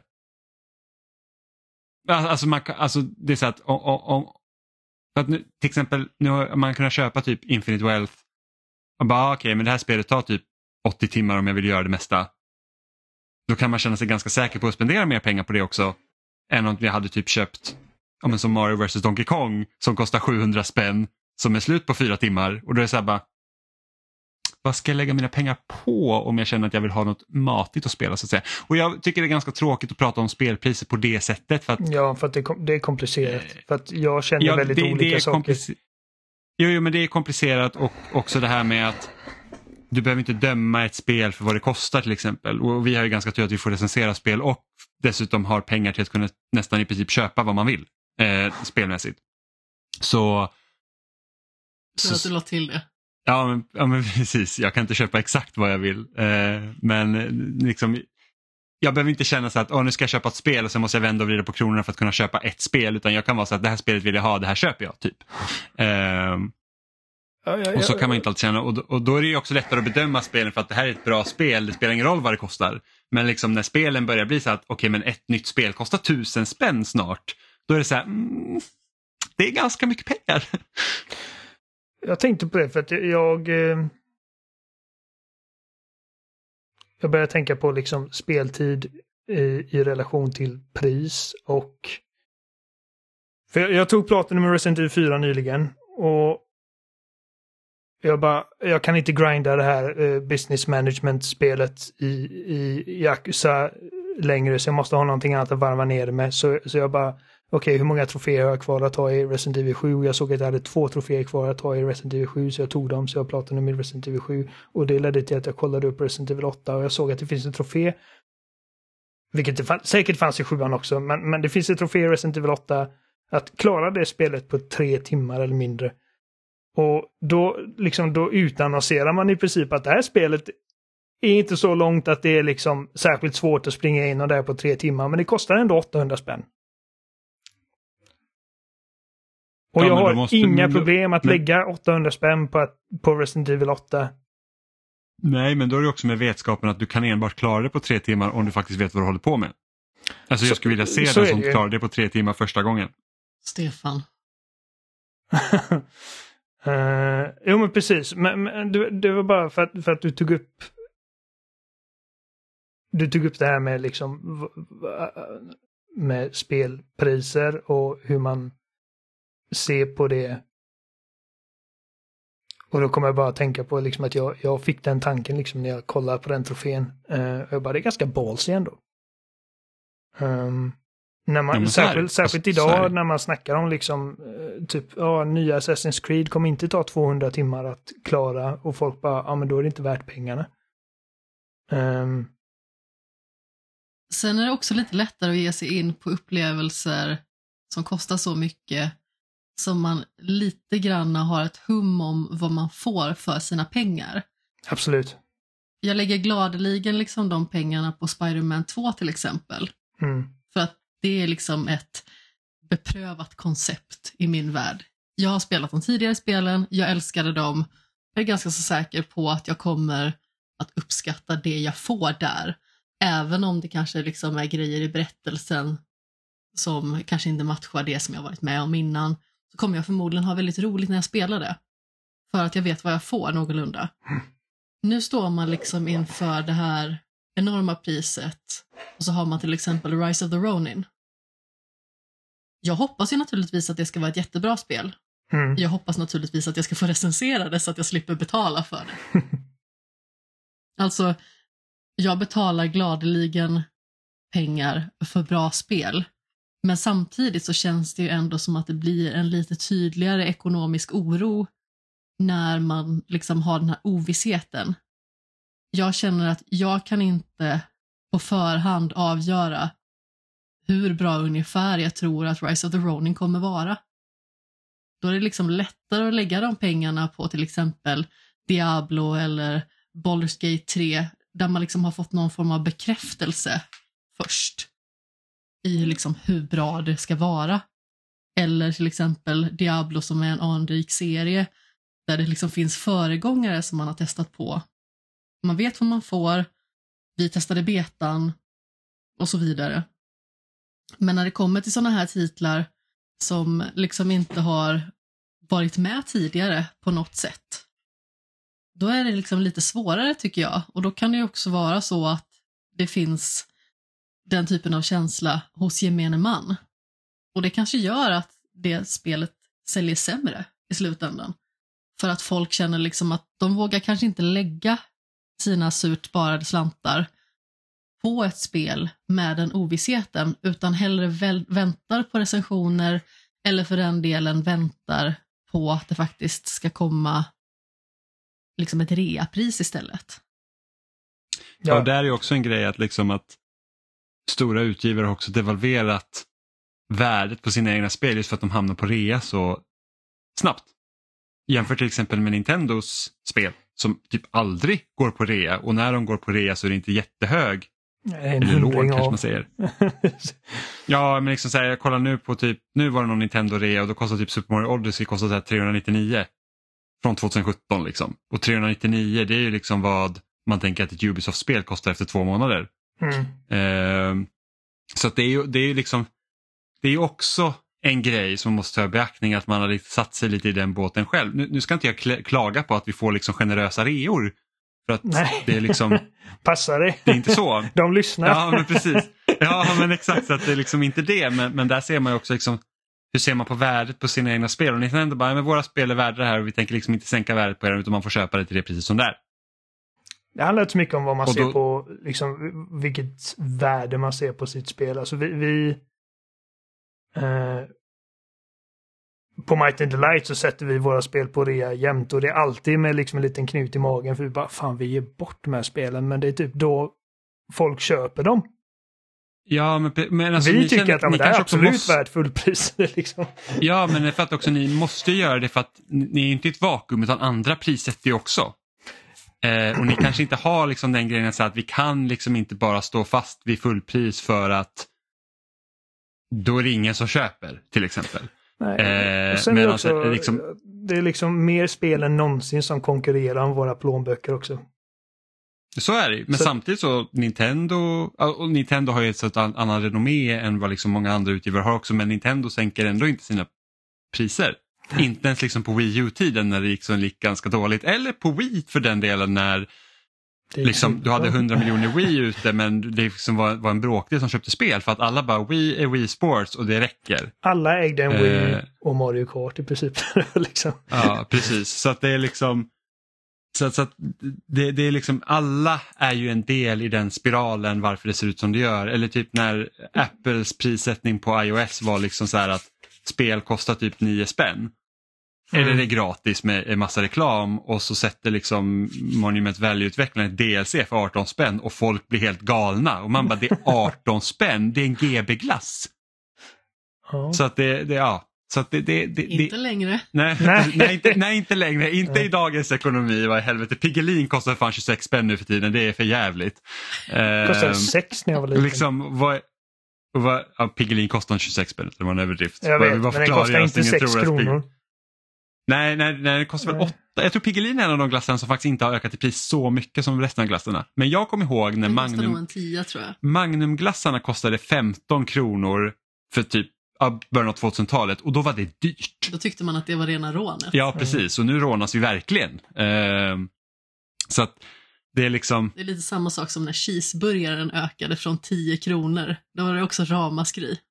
ja, jag minns när bensinpriset gick över 10 kronor litern och folk var så jag tycker aldrig mer köra bil. Vi ska fan eh, protestera och nu säger man glad om, om, om, bensinen kostar under 20 spänn. liksom man bara, "Huh." Ehm, så att det, Man vänjer nej sig men det, fort. det, det är ju inte lätt, det är det ju inte. Så det, det, men det är sådär. Men samtidigt så, ja, industrin har sig lite själv att skylla till att de har satt sig liksom i den situation de sitter i just nu. Eh, och det är inte vårt jobb att fixa det. Eh, det roligaste dock tycker jag är när typ man kan läsa ibland på Resetter och då får någon den här snilleblixten idén att säga att ja, är det, är, det, är det konsumenternas fel att det går dåligt för studierna för att vi köper spelen på rea? Och man bara nej, det är inte vårt jobb att se till att studierna håller sig flytande för Nej. att vi köper spelen när de är lite billigare. Eh, sen kan man ju vara så här att köper du spelen på fullpris och du kan göra det, good for you liksom, men det, det, det är ingenting du ska om man, är, om man är efter den devisen att marknaden sköter allting då kan man inte skylla på konsumenten när de bara spelar marknadens regler. Man ska ju inte eftersträva att köpa spel där de är som dyrast. Bara för liksom skaparnas skull. Nej, så Men länge kan då inte du tar- det så, så men Ja, jag, kan jag du har gjort det ibland liksom att va, men jag, jag, där, jag, jag vill se mer av detta och därför köper jag det. Även om jag inte har för avsikt att spela det just nu. Liksom. Men, men det är också, då har jag ju kunnat göra det. Ja, men sen är det också skillnad att du känner så att jag vill göra det för att jag kan och, och sen tittar du på de som inte gör det och bara du där, Ja, nej, ditt nej, nej. lilla svin. Ehm, Sen så så, att, kan det också liksom vara skillnad från fall till fall naturligtvis. Ja, ja. Återigen, när det gäller studior som är lite mindre, som man kanske vill liksom ge sitt extra stöd, då är det kanske någonting som man mer gladeligen gör än när det gäller en studio som har liksom ett numera fullprisspel. Det blir liksom lite skillnad där. Jag vet att Unpacking till exempel spelade jag ju på Game Pass och sen så kom det på Playstation och då köpte jag det där också. Dels naturligtvis för att jag ville ta Platinum i det, men jag ger ju gladeligen de pengarna till de skaparna för att jag tyckte att de hade gjort ett så otroligt bra spel. ja. Jag har köpt Resident Ja, Evil men 4 varenda gång det har släppts. jag har köpt Disco Elysium varje gång det har släppts så jag har aldrig spelat det. nej, nej, okej. Ja, nej. ja, men det, Men du är deras främsta fan. Ja, verkligen. Jag, är- jag är verkligen en svensk fan. Så det är kul mest när jag väl spelar så bara det här sög. Fan. Eh, nej, men så att det, det, det är knepigt och jag vet inte riktigt hur vad som kommer hända. Sen kanske att ekonomin vänder och allt kommer att vara jättebra och alla tjänar mycket pengar igen och Embracer Group kanske inte sparkar allt som finns. Och, jag, menar, jag vill, jag vill, eh, när vi ändå är inne på det här med att liksom eh, typ stödja grejer man tror på. Och vi ska inte gå in jättemycket på det antar jag, för att dels har vi inte spelat det särskilt länge än eh, och vi har pratat ganska länge redan nu, men Helldivers 2 eh, tycker jag är ett vad det gör, gör det liksom väldigt smart och på, på ett sätt som inte är predatory och för att det, är- det är ju i princip ett live service-spel. Ehm, du och jag, du och jag vi, vi, spelade kanske två timmar häromdagen uh, i lördags. Och vi har inte kommit längre än så, så jag tror vi kommer nog prata mer om det kanske nästa vecka. Ehm, men eh, när man kollar liksom på, visst det har liksom ett battle pass, men jag, jag kollar närmare på det och, och, och jag är van typ när man kollar på hur, hur liksom cosmetics och sånt, vad de kostar i typ Halo Infinite eller Destiny. Eller för att Och- säga det senaste i Diablo 4. När, om du vill ändra färg på din portal så kostar det typ lika mycket som spelet gjorde när det var nytt. Ja, det är sjukt. Eh, det vet jag inget om, men, men, men Nu vet du. ja, Känner nu du dig vet jag. glad över den informationen? Men liksom jag har spelat mycket Destiny och jag tycker att eh, deras designers gör jävligt många coola cosmetics. Eh, och särskilt då med liksom när de gör roliga crossover cosmetics som de hade något Horizon, eh, God of War och Ghost of Tsushima set. Eh, som var liksom, alltså som sagt återigen helt kosmetiska grejer om det var typ emotes och, och, och sådana grejer. Eh, inspirerade av de här spelen. Och nu, nu har det kommit Mass Effect-inspirerade grejer. Och de kostar skitmycket. Um, liksom det, det, det, är inte, det är inte ovanligt liksom att en emote kan kosta dig upp till 100 spänn. Och så har vi liksom Helldivers där, där liksom en, en armor piece kan kosta så lite som typ 20 spänn. Vilket jag känner är mycket mer rimligt för vad man kallar mikrotransaktioner. Ehm, Ja, precis. Mikrotransaktioner, ja men det är, din, det är en halva lönen och en men, alltså jag, eh, jag har nog lagt mer pengar på cosmetics i Destiny än vad jag är villig att erkänna. Eh, Jag har inte riktigt koll men det är säkert en 500-600 spänn. Och eh, det är liksom ett helt spel. Och jag förstår att för jag kommer ihåg, min chef satt och redogjorde för mig liksom eh, vi, vi, vi släppte några skins till ett av våra, eh, våra spel. Eh, och vi satte dem på två dollar styck eller vad det var. Och han sa att vi kommer så här mycket kostar det oss att göra de här skinsen. Och det är inte någonting som jag som community manager tänker på, det är hans jobb, men vi betalar våran designer så här mycket i timmen och det tar henne så här många timmar att göra ett skin och vi har så här många skins. Så vi måste sälja så här många av de här skinsen för att ens gå runt. Mm. Och jag förstår att det är liksom den konversationen man har liksom när man gör de här grejerna. Men eh, ja, jag har alltid tänkt liksom att ifall, ifall Destiny och typ Halo och de här grejerna hade gjort att de här coola grejerna kostar en bråkdel av vad de faktiskt kostar nu så hade jag lagt så jävla mycket mer pengar på de här grejerna för jag hade, jag hade inte kunnat hejda mig själv. Nu är det liksom att jag Mm. sitter där och bara, ja, jag sitter och kollar på det i tre veckor innan jag till slut ger mig. Kanske någon gång om året. Eh, men hade en sån här typ armor eller en emote eller någonting kostat så här 15 spänn. Jag hade, jag hade köpt så jävla mycket. Men jag tänker typ så, eh, på 2000-talet när det var jättepoppis att köpa typ ringsignal i sin telefon. Man kollar typ baksidan Ja, på Frida-tidningen. Liksom, så här Vilken nio spänn och man bara yeah! Ja. men också så som bara kom och försvann. Ja, ja. ja men så fort mobilerna blev lite mer avancerade så du kunde lägga in egen musik, då var det dött. Ja.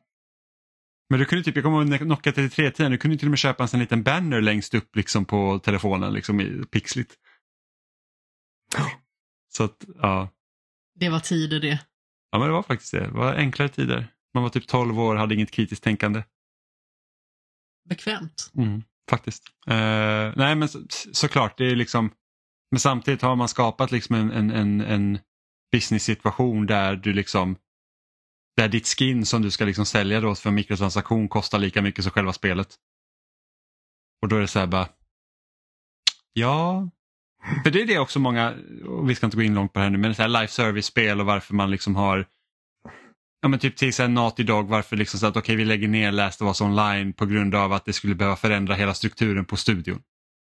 För att alla vill åt Fortnite-pengarna men, ing, men liksom, man, jag tror inte man riktigt förstår vad som krävs för att hålla igång Fortnite som det är. Det är alltså en massiv operation Och- och att ha igång Fortnite. Och då pumpar, ja, och då pumpar de säkert in så mycket pengar i det också att jag skulle inte säga liksom att de fett, liksom att nu går det så bra så att det liksom inte finns några risker typ utan det är liksom det, det är problem. Och så sätter man ju den förväntningen också liksom att okej men om Fortnite lyckas så bra som ett free to play-spel och så har du liksom Halo Infinite som, som ja, multiplayer gratis men kampanjen kostar ju och då är det så här att det, det är liksom man hinner inte få ut så mycket resurser och då blir det Battle Pass där du får liksom på en nivå så får du ett axelskydd. Och man bara, åh vad spännande. Jag fick en tåring till min Spartan. Som inte syns. Kul! Navelring. Så, så det, det, liksom, och, och, och för oss då dinos, börjar bli dinosaurier nu liksom, så är det så här att jag har Alltså jag bryr mig inte om så här battle pass och sånt. Jag vill bara, jag, alltså jag tycker att det stör. Jag hade spelat mer gear som inte jag kände liksom så här att man är inne i den snurran och så, så bara fuck, jag missar det här battle passet. Jag kan inte låsa upp den här karaktären för att jag betalar för battle passet som försvinner och då är det så här bara, jag, jag liksom tackar totalt bort. Det är så här bara, då är jag inte intresserad av att spela. Eh, vilket såklart Halo Infinite hade ju så att deras battle pass finns hela tiden och så är det även i Halo Divers 2 att de battle passen ska finnas hela tiden. Så att eh, det är ju ett bra sätt att göra det på.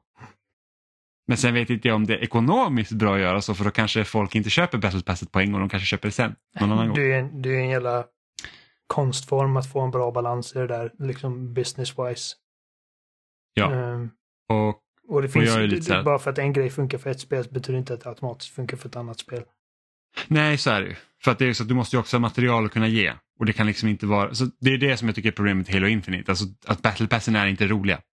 Nej, för må- allting måste vara liksom Spartans. Och jag uppskattar liksom Ja. att de håller sig, att eh, jag inte kan spela som Sarah Connor i Halo. För att det hade bara förstört liksom. Ja, ja gud ja. Eller liksom så här, att, ja, men här kommer Son Goku liksom och slåss Ja, mot Master. Chief. Man var så här, Och det, det är, där, Nej, det, är det, det som är det briljanta Ja. med Fortnite. För det, finns, det finns inga sådana gränser. De kommer nej, aldrig och få det slut där. på... Men liksom, så fort man såg Terminator och Gears då var man ju bara sur för att det är en Terminator och Gears. Ja, och jag älskar Sarah Connor, men, men, men det är liksom när jag spelar Gears så bara känns det weird att se liksom Linda Hamilton wallbounsa Ja. och sen skjuta skallen av mig. det är bara, Ja. åh nej. Man bara ser typ 50 dollar komma springande där och att någon har spenderat det. Och man bara "Ugh." Det är typ så man känner. Med navelring. Ja men precis. Kommer där Marcus Phoenix och hans tåring som inte syns. Helt off topic, men du sa att vi är dinosaurier och jag har aldrig känt mig så gammal som när jag såg att killen som ska spela Superman i det nya DC-universumet är yngre än vad vi är. What? Det är insane. Det är Vi är sjukt! dinosaurier med navelring. Ja, du kan inte se upp till Spy du kan inte se upp till Superman längre för att han, du är äldre än honom. Så det, var, det känns weird. Det kan, det kan vara Alltså, det är att, faktiskt- eh, men jag vet att han är yngre än vad jag är, men eh, han kanske är mer i Amandas ålder, vilket är ingen massiv skillnad. Men, men nu ska vi se, David, David Corenswet. Jag vet inte hur man uttalar det, Coren Sweet, Coren Sweat. han, är född, han är född 93. Ja okej men så farligt är det inte. Nej, men, men en man Uh. som ska spela Superman är yngre än mig, Jimmy. Vilket betyder att nästa Ja, ja. James Bond kommer säkert vara yngre än mig också. Jag, jag, jag har liksom korsat den, den tröskeln i mitt liv nu. Där de här liksom larger than life ikonerna är pojkar och jag bara oh. Ja men då får, du göra, då får du göra som alla andra gamla människor. Du får kolla enbart på de eh, James Bond-filmerna där Bond är äldre än dig och jag antar att du lyssnar på samma musik som du lyssnade på när du var typ tonåring så då kommer ju de stjärnorna kommer alltid vara äldre än dig också. Det, ja, men jag har inga liksom... Mm, Så kan du sitta där och hitta med din käpp mot den nya Precis, min- woke Ja, Superman. ja, men men det, är ju också, det tycker jag också känns märkligt när man kollar typ, antingen när man kollar om på tv-serier från när man var liksom tonåring eller man kollar liksom på serier nu och man var så här, den där personen där just nu är lika gammal som jag är så Ja. vi borde typ ha samma Det problem. var min första Eller, ålders... Eller typ eller när man kollar typ på vänner och de, var så här, de är typ 24 i första säsongen och man bara, alltså jag är 10 år äldre än de var där. Jag börjar närma mig säsong 10 av vänner i åldersmässigt liksom, och jag tycker att de där känns äldre än vad jag är. det, det är en sån jävla mindfuck. Min första riktiga liksom ålderskris var när jag för ett par år sedan, jag tror det var typ 2019, när jag var 29, såg om The Dark Knight och insåg att Heath Ledger var yngre än mig i den här filmen. Ja. Sånt är kämpigt alltså. Det, det var... Alltså, nu har jag ju fått känna på det rätt så mycket i och med att jag liksom har börjat studera på universitetet och det finns ganska så många som är väldigt mycket yngre än vad jag är. ja, men det var så när jag tog Jag har en i körkort. min responsgrupp som är exakt tio år yngre. Ja. Det finns ju liksom inte ens personer födda på 00-talet i mitt huvud. Mm. Ja, det, det var ju spännande, jag började speldesignutbildningen och två stycken framför mig satt och viskade med varandra så bara “Jag var inte ens född när Green of Time kom” och jag bara “Oh my heart”.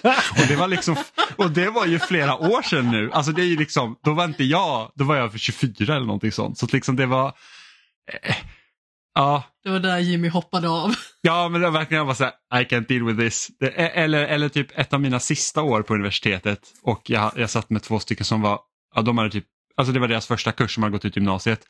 Och det var så här typ, när jag sa att jag hade studerat i fem och ett halvt år eller vad det nu var och de bara tittade på mig med stora ögon och bara så här, but why? Och jag bara, jag gillar att lära mig saker och det var typ så här, de var, de var typ, okej farfar, gå, gå liksom, försvinn. När jag började på, eh, Så- på kundtjänsten. ehm, 2019. Och eh, man börjar liksom lära känna sina kollegor. Och man och, ja men hur gammal är du? Och jag bara, jag fyller 30 nästa år. Och de bara, what the fuck? Vad gör du här? Ska inte du vara typ CEO eller någonting? Jag är typ, jag är 19. Jag bara, what the fuck? Jag har aldrig känt sig så Tack! framgångsrik som att bli ifrågasatt på kundtjänst av en 19-åring. Nej, jag menar alltså det var, det var en period där jag bara liksom, jag, eh, så, eh, jag hade mitt EA-gig som var liksom, ska man säga 25 procent, jag kunde inte leva på det. Jag var tvungen att ta någonting, bara vad som helst. Uh, och, och jag har ingen utbildning, jag gick i gymnasiet. Um, så man tog det som man visste, okej, okej, det här liksom, de är desperata efter folk liksom. De har sån... det, det, det är så... Ni behöver mig, okej? Okay ja, men det är verkligen liksom, det är eh, den typen av jobb som ansöker du så får du det i princip. Liksom. Ehm, och man kommer dit och det är bara massa ungar. Och, eh, och, och den liksom teamledaren som, som har varit där i tio år och, och, och är min mentor är liksom tre år yngre än mig. Ehm, jag var bara där i tre månader, men, men det var en upplevelse. Och samma när jag tog körkort, det gjorde jag ju först när jag var 28 eller någonting. Det var jag och massa ungar. Ja. Och värre kommer det bli. Vi kommer sitta här om typ tio år och bara så här, ah, kommer ni ihåg när vi klagade på typ mikrotransaktioner i, i, ett spel som man betalar för och nu är det så mycket värre. Ja, gud. Ja, men jag, jag känner liksom... Att inse att Superman nu är yngre än mig, det, det, det var en tröskel som jag, som jag inte kommer behöva gå över två gånger i mitt liv. För att alla kommande Supermans efter det kommer också vara yngre, liksom, och då, då har jag kommit underfund med det. Men... Eh, Om de inte gör typ Old Man Superman innan du är jättegammal. ja, men då, då är det liksom ingen weird grej. Det är... Ja, men det, det känns konstigt med liksom att allt man har sett på tv och sånt liksom när man var liten var ju så att alla är ju äldre. Liksom att man kan se upp till dem. Det känns så konstigt när man går över den här att okej vi är lika gamla, nu är jag äldre. Och man bara, det här känns weird. Och jag tänkte på det när jag spelade Persona 3. Jag bara, jag spelar folk som ska gå i high school. Och jag bara, åh. Det känns också lite weird när man tänker mer på det. Uh, men ja. Men alltså mentalt är jag nog mer där, inte kanske just high school naturligtvis, men mentalt är jag mer i den tidiga 20-årsåldern än den tidiga 30-årsåldern på flera sätt på något sätt. Ja, i det vissa avseenden. hjälper Ja fast samtidigt så jag känner så att när jag började, man känner så här, okej men jag känner mig så att man inte liksom blivit mycket äldre sen man var typ 24 säger vi. Och så träffar man en 24-åring och man bara, jo det har hänt en del grejer. Så jag är ganska bekväm liksom i min ålder. Jag känner mig liksom inte så att, åh gud, jag, är, jag känner mig inte så att jag ska vara jätteung. Utan jag känner mig ungefär på den nivån som jag bör vara. Ja, men jag, jag känner mig ganska nöjd också. Det, jag har inte haft... Jag sitter inte och nojar så mycket över min ålder. Det var... Det var ingen stor grej när jag fyllde 30. Um, det var värre att fylla 25. Jag vet inte. Jag tror att när jag fyller 50 då tror jag att, för att då är jag liksom bokstavligen bara, jag vet att halva mitt liv är över nu. Jag kommer inte leva till 100 liksom. Alltså det kommer redan när du fyller 40? Håller du? Jo, men jag kan, jag kan ändå tänka mig att jag kan nog överleva till över 80 liksom. Om jag har tur. Men 50 ja. då är det verkligen liksom att alltså... Fast statistiskt sett så är det mer sannolikt att du lever över 100 med tanke på när vi är födda. Ja, inte jag. Så som jag tar hand om mig uh, Lever på geléhallon. Och... Men... Uh... Ja, du undrar varför magen krånglar? Nej, jag överdriver. Men... Uh... Mitt bajs var rosa, jag vet inte varför. alltså, alltså det, det, var genuint... Natten till söndagen var genuint en av de mest traumatiska grejer jag upplevt. Jag tror att det var nog första gången i mitt liv som jag kände att om jag dör nu så är det, så är det i alla fall över. Gud vad hemskt, jag kan inte sluta skratta men det var nej, hemskt. Nej, men alltså, alltså men i efterhand så, men, men, det var liksom alltså, jag bara alltså... I, I två dygn... I två dygn nu så har jag levt i skräck, alltså verkligen. Jag har inte vågat äta. Jag ät, på två dygn har jag ätit tre mackor. Alltså, så här, med pålägg hoppas jag. Nu, faktiskt med stekt ägg på. Ja. Uh, jag, jag, har inte, jag har inte vågat ta min medicin som jag ska för att den påverkar magen. Jag har inte vågat... Uh, men jag har massiv jävla godispåse där ute som jag inte vågat röra. Jag, har inte druckit någon läsk, jag har bara druckit vatten. Så här, alltså några milliliter var femte minut för att det var det 1177 sa att jag borde göra. Uh, väldigt noga med vad jag, alltså allting jag har gjort de senaste två dygnen har varit bara att jag kan inte uppleva vad jag upplevde natten till söndagen igen i mitt liv någonsin. Alltså det var... Usch, jag blir svettig bara jag tänker på det. jag är van vid att ha ont i magen. Jag har känslig mage. Liksom jag, jag, jag är lös ofta. Jag borde kolla upp det. Jag borde kollat upp det här för flera år sedan. Jag, jag misstänker att jag kan ha typ IBS eller någonting. Men, men eh, så att det är liksom att ha lite så här magknip och, och gå och skita, liksom, det, det, är liksom vardag för mig. Det här var alltså, det var mitt Vietnam. Gud. Och sen fick jag dåligt samvete över att den tanken slog mig för jag bara, alltså jag kan inte lämna William. Men, men för en sekund där så var det bara alltså... Sweet death. I yearn for your embrace. Nej, men jag skrattar också. Det, alltså... det, det, jag lever, alltså, som sagt, det, är snart 48 timmar sedan och jag lever fortfarande i skräck över att det kan hända igen. Men idag så har jag inte varit... Du inte bo... Alltså, visar sig att Oliver lider av smörbrist. Alltså borde du inte i alla fall boka en tid hos doktorn och kolla upp dig för säkerhets skull? Uh, snälla tanten på 1177 um, ehm, sa att baserat på vad du säger så kan det vara tusen grejer och fram tills vi vet mer så om, om, du, om du åker till akuten nu så kommer de bara klämma på dig och så kommer de inte kunna säga vad det är i princip. Nej, men jag tänker boka en riktig En undersökning precis, liksom, eh, så att de verkligen ja. probar. Typ en hälsoundersökning också, kanske. Uh, och jag tror att... För där kan de ju avgöra en hel del.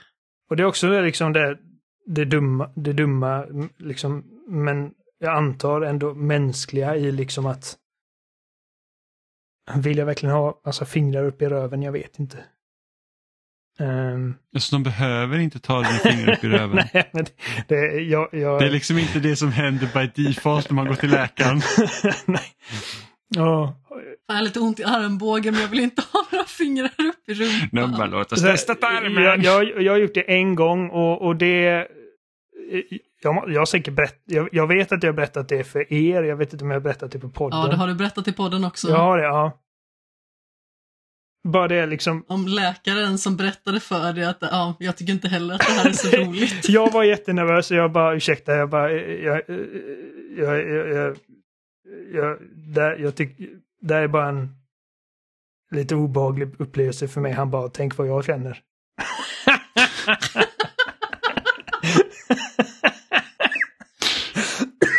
Så jävla roligt med bittra läkare på det Tack stöd. Man vill ju inte möta dem men det är ja, eh, när jag behövde kolla upp då tumören jag hade i, i ena pungkulan då och liksom då hade vi en väldigt entusiastisk eh, liksom trainee som bara får jag också känna. Ja, Så att eh, det, Och vad det- det är säger liksom, man? ja visst. Ja men vadå, jag kan, Liksom. alltså, det är klart men jag står ju där med byxorna nere, Ja. ta för dig. Nej, Ja. jag hade så här liksom...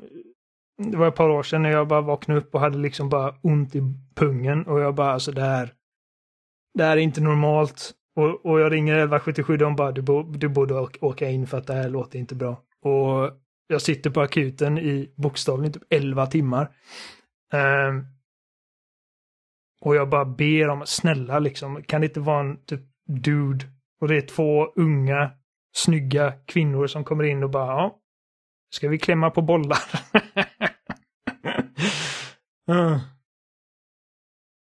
Jag har nog lite ont i snoppen också. ja, precis. Nej, Oliver gick fel, han gick in till en casting till en porrfilm.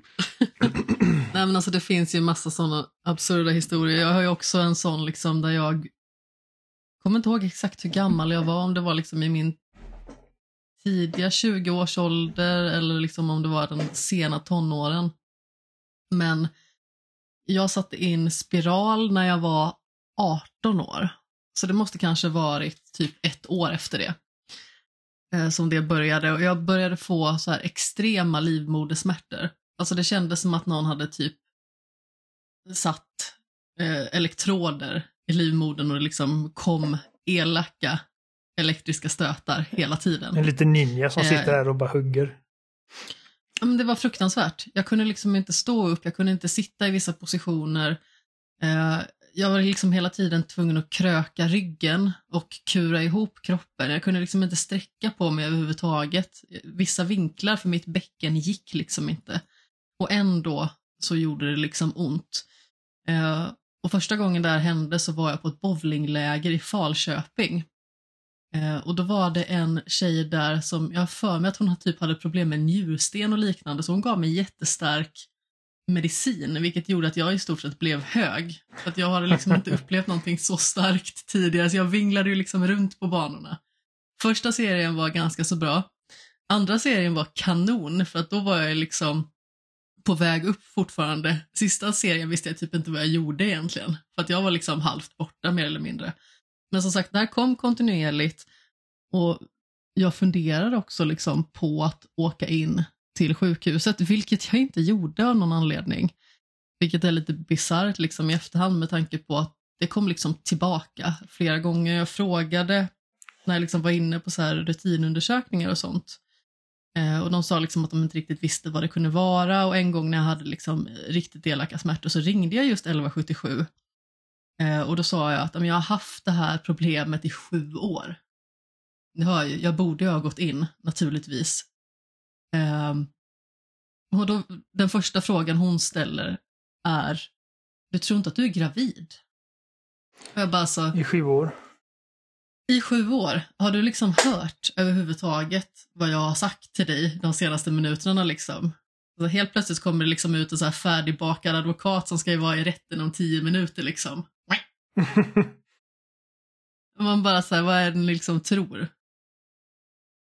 Um, sen så vet jag liksom inte om det kanske hade någonting med just den spiralen att göra för att um, när den byttes ut så blev det bättre och liknande. Uh, Så det kan ju liksom vara att det kan vara någon form av defekt eller liknande eller så kan det vara att livmodern utvecklas till det positiva. Jag vet inte riktigt vad det handlar om exakt men eh, de här attackerna var ju väldigt jobbiga.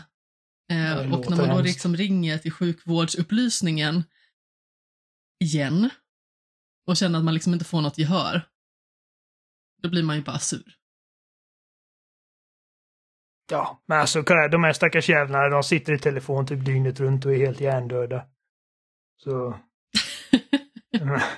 Ja, men såklart, man kan inte dra alla över en kam, men samtidigt så känner man ändå att eh, man borde ha kollat upp det istället och liksom inte bara kanske ringt och försökt att kolla på ett sådant ställe vad det var, utan kanske kolla upp det på riktigt. Sen så var det så att jag var liksom på ytterligare en sån här rutinundersökning och då var det faktiskt eh, en tjej som sa att ja, men det skulle faktiskt kunna vara att du liksom har väldigt aggressiv, ägg, eh, väldigt aggressiv ägglossning som gör liksom att få får de här smärtorna. Så eh, liksom förbered dig kanske lite granna när liksom den perioden kommer. Och som sagt, jag har ju mycket mindre problem nu. Men det kan också liksom vara att det var den senaste spiralen som är bättre eller vad det nu kan vara för någonting. Nej, men jag känner igen det. Så jag borde ha kollat upp det här för länge sedan, men det är liksom bara det här, liksom, det är en tröskel att, att man, som man behöver komma över för att faktiskt ta sig i kragen och bara okej, jag åker till det jävla sjukhuset nu. Mm. Ja, och någonstans så är det väl liksom så att man börjar bedöma allvarlighetsgraden. Så min pappa har tidigare varit en sån som typ aldrig söker sig till sjukhus. Eh, och den första gången han liksom verkligen tog det på allvar, då hade han tarmcancer. Ja, gud, ja. Så det var liksom så här att Och han hade liksom eh, i stort sett alltid vägrat läkarvård eh, för liksom sådana här, vi säger, små saker Fan. enligt honom. tarmcancer. Och sen när han verkligen kände så här att "Nej, jag måste nog söka för det här, då var det verkligen allvarligt, så han hade ju en himla tur. tarmcancer. Det hade lika gärna kunnat vara att han hade avvisat det. Jag har inte ens övervägt att tarmca- tarmcancer. Kanske det jag har. Jag fick lite dåligt samvete nu. Nej. Nej. Eh, ja, men nu har vi pratat alldeles för länge. Eh, så jag tycker vi sätter punkt där för idag. Ja, okej, ifall ni inte vill ha era quizpoäng. Nej, jag tänkte quiz, men vi, kör, vi, vi puttar quizet till nästa vecka. Fuck you! Jag har skrivit, jag har skrivit quiz. Jag satt i typ 10 minuter innan vi ser Nu, nu kör vi quiz. Det här, det här går fort.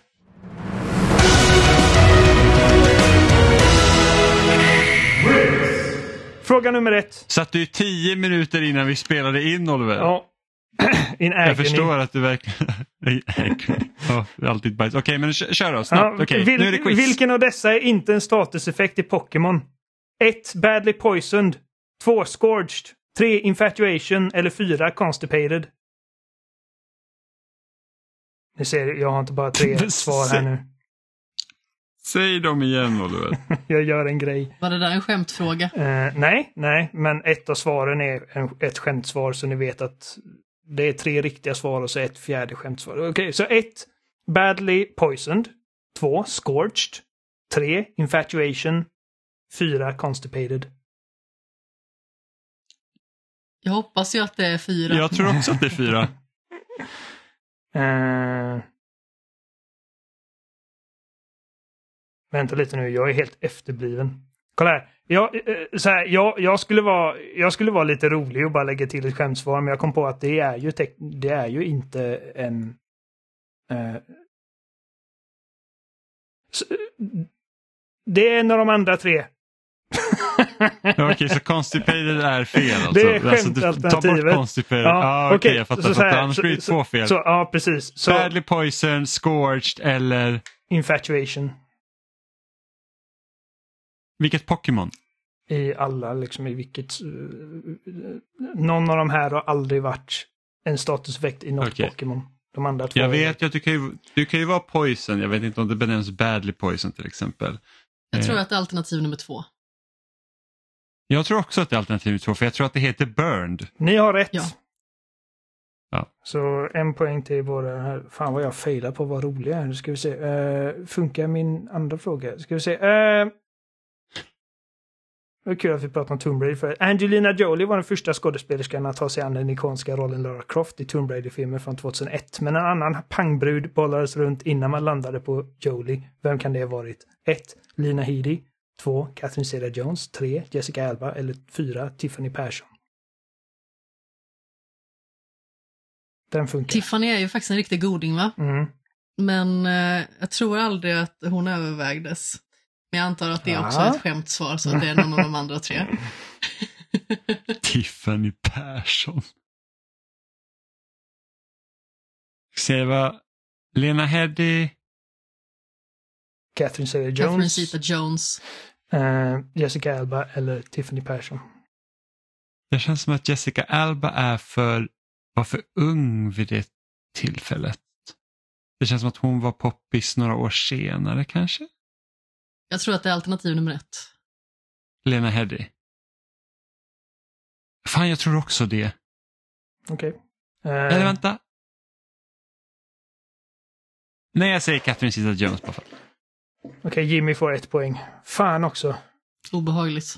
Oh, jag Nu- tänkte för jag tänkte Lena Headey. Nu gick det om mig i poäng här. Ja, som sig bör. Eh, och den här kommer jag inte på ett skämtsvar till. Så att så? Idag har vi faktiskt fått se ett par spelbaserade filmer och tv-serier som inte är ren kattskit, men majoriteten av dem har ändå varit ren bajssås. Och Uwe Boll är garanterat den man som har flest usla spelfilmer på sitt samvete. Vilken av dessa tre filmer, som alla dyker upp på Entertainment Weeklys lista över alla tiders sämsta spelfilmer, har han inte regisserat? Uh, är det Silent Hill Revelations? Eller Revelation? Uh, Alone in the Dark? Eller House of the Dead?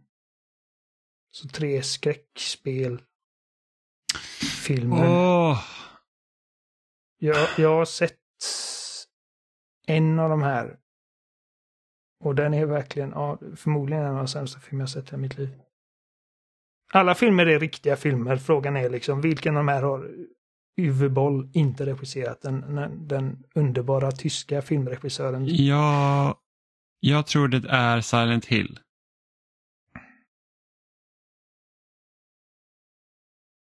Jag säger det också. Då får ni varsitt poäng. För att jag vet att han låg i Alone in the Dark. Men jag tror inte att han var inblandad i en Silent Hill-film. För det har väl bara kommit en Silent Hill-film, Det eller? finns två Silent Hill-filmer. Så den första eh, av en eh, fransman som heter Gans i efternamn, jag kommer inte ihåg vad han heter i förnamn. Den var ändå inte helt värdelös, även om liksom Pyramid Head dykte upp i det spelet fast att James Sandlund inte var, eller filmen, fast att James Sandlund inte var med i filmen och Pyramid Head är väldigt liksom knuten till vem James Sandlund är. Uh, men MJ Bassett gjorde den andra filmen och den uh, ska tydligen vara helt hysteriskt dålig. Hon är en engelsk screenwriter, director, producer, men till skillnad från Uwe Boll så har hon faktiskt sen den filmen gjort en del framgångsrika projekt, eh, framförallt i tv som eh, okej, inte, inte Iron Fist, men typ Ash vs. Evil Dead, eh, Reacher, The Terminalist, Quantum Leap, eller Quantum Leap vet jag inte, den kanske inte folk tycker om, men ändå grejer som folk tycker om. Så att eh, hon har arbetat sig uppåt. Och Uwe Boll är fortfarande i kloakerna och leker. Um, Okej, men ja, ni, ni märkte att det här var väldigt ihop eh, framhastade frågor, men, men ni skötte er bra. Jag ska säga Jimmy fick alla rätt, Amanda fick två rätt. Vilket betyder att Amanda har sex poäng, Jimmy har nio, lilla svinet, jag har sju. Adam har två. Jag ska vinna Fantasy Critic och vårt quiztävling i år. Ja, det är vad du tror. Det är vad jag vet. Eh, Men med det sagt så är vi klara för idag helt enkelt. Ni hittar oss som vanligt på spesna.com och där finns också alla länkar till ställen vi finns som dina favoritpodcastappar som Apple Podcast, Spotify och RSS-flöden eller på sociala medier som Facebook, Instagram eller Twitter. Även Youtube. Eh, Vi läggs också upp på loading.se där ni kan kommentera på varje avsnitt eller så kan ni mejla in till oss på kontaktetspesna.com. Eller kommentera på, på Spotify. Det är enkelt att kommentera där. Vi har fått några kommentarer där de senaste veckorna och det är alltid lika kul när ni eh, skriver till oss. Senast var Isak faktiskt som skrev. Som önskar att Rocksteady ska göra ett spanspel. Och det är återigen så här knepigt för att jag har ingen relation till span. Inte McFarlanes... säga så mycket om det. eh, Ja men det vet jag. Det är, så, så mycket vet jag men liksom mer än det så har jag ingen aning. den är mörk, Men det hade säkert funkat dark as shit. Det hade kunnat bli coolt. Jag hade hoppats på The Matrix. Också en Warner Brothers property. Jag hade hoppats på att Rocksteady ska göra någonting eget. Ja, det är klart jag gör. Japp. Helst turordningsbaserade strider. Nej, du Och vet. Metroidvania. Nej, men Metroidvania hade, jag, jag tar gärna fler 3D Metroidvanias. Det finns alldeles för lite Metroidvania som utspelas i 3D-miljöer. Batman Arkham Asylum. Yes. Nämn ett till, Det tänker jag inte. för det är svårt. Returnal. Eh, Returnal skulle jag inte säga ett Metroidvania, Nej, men det eh, det roguelike. skulle ha kunnat varit ett. Eh, Eh, du kan Control. göra en roguelike Metroidvania. Kontroll är inget bra Metroidvania. Eh, men vi hörs igen nästa vecka. Hej då! Puss i ljumsken. Uh, oj. Mm. Puss i ljumsken. Måste gäspa först. Ja.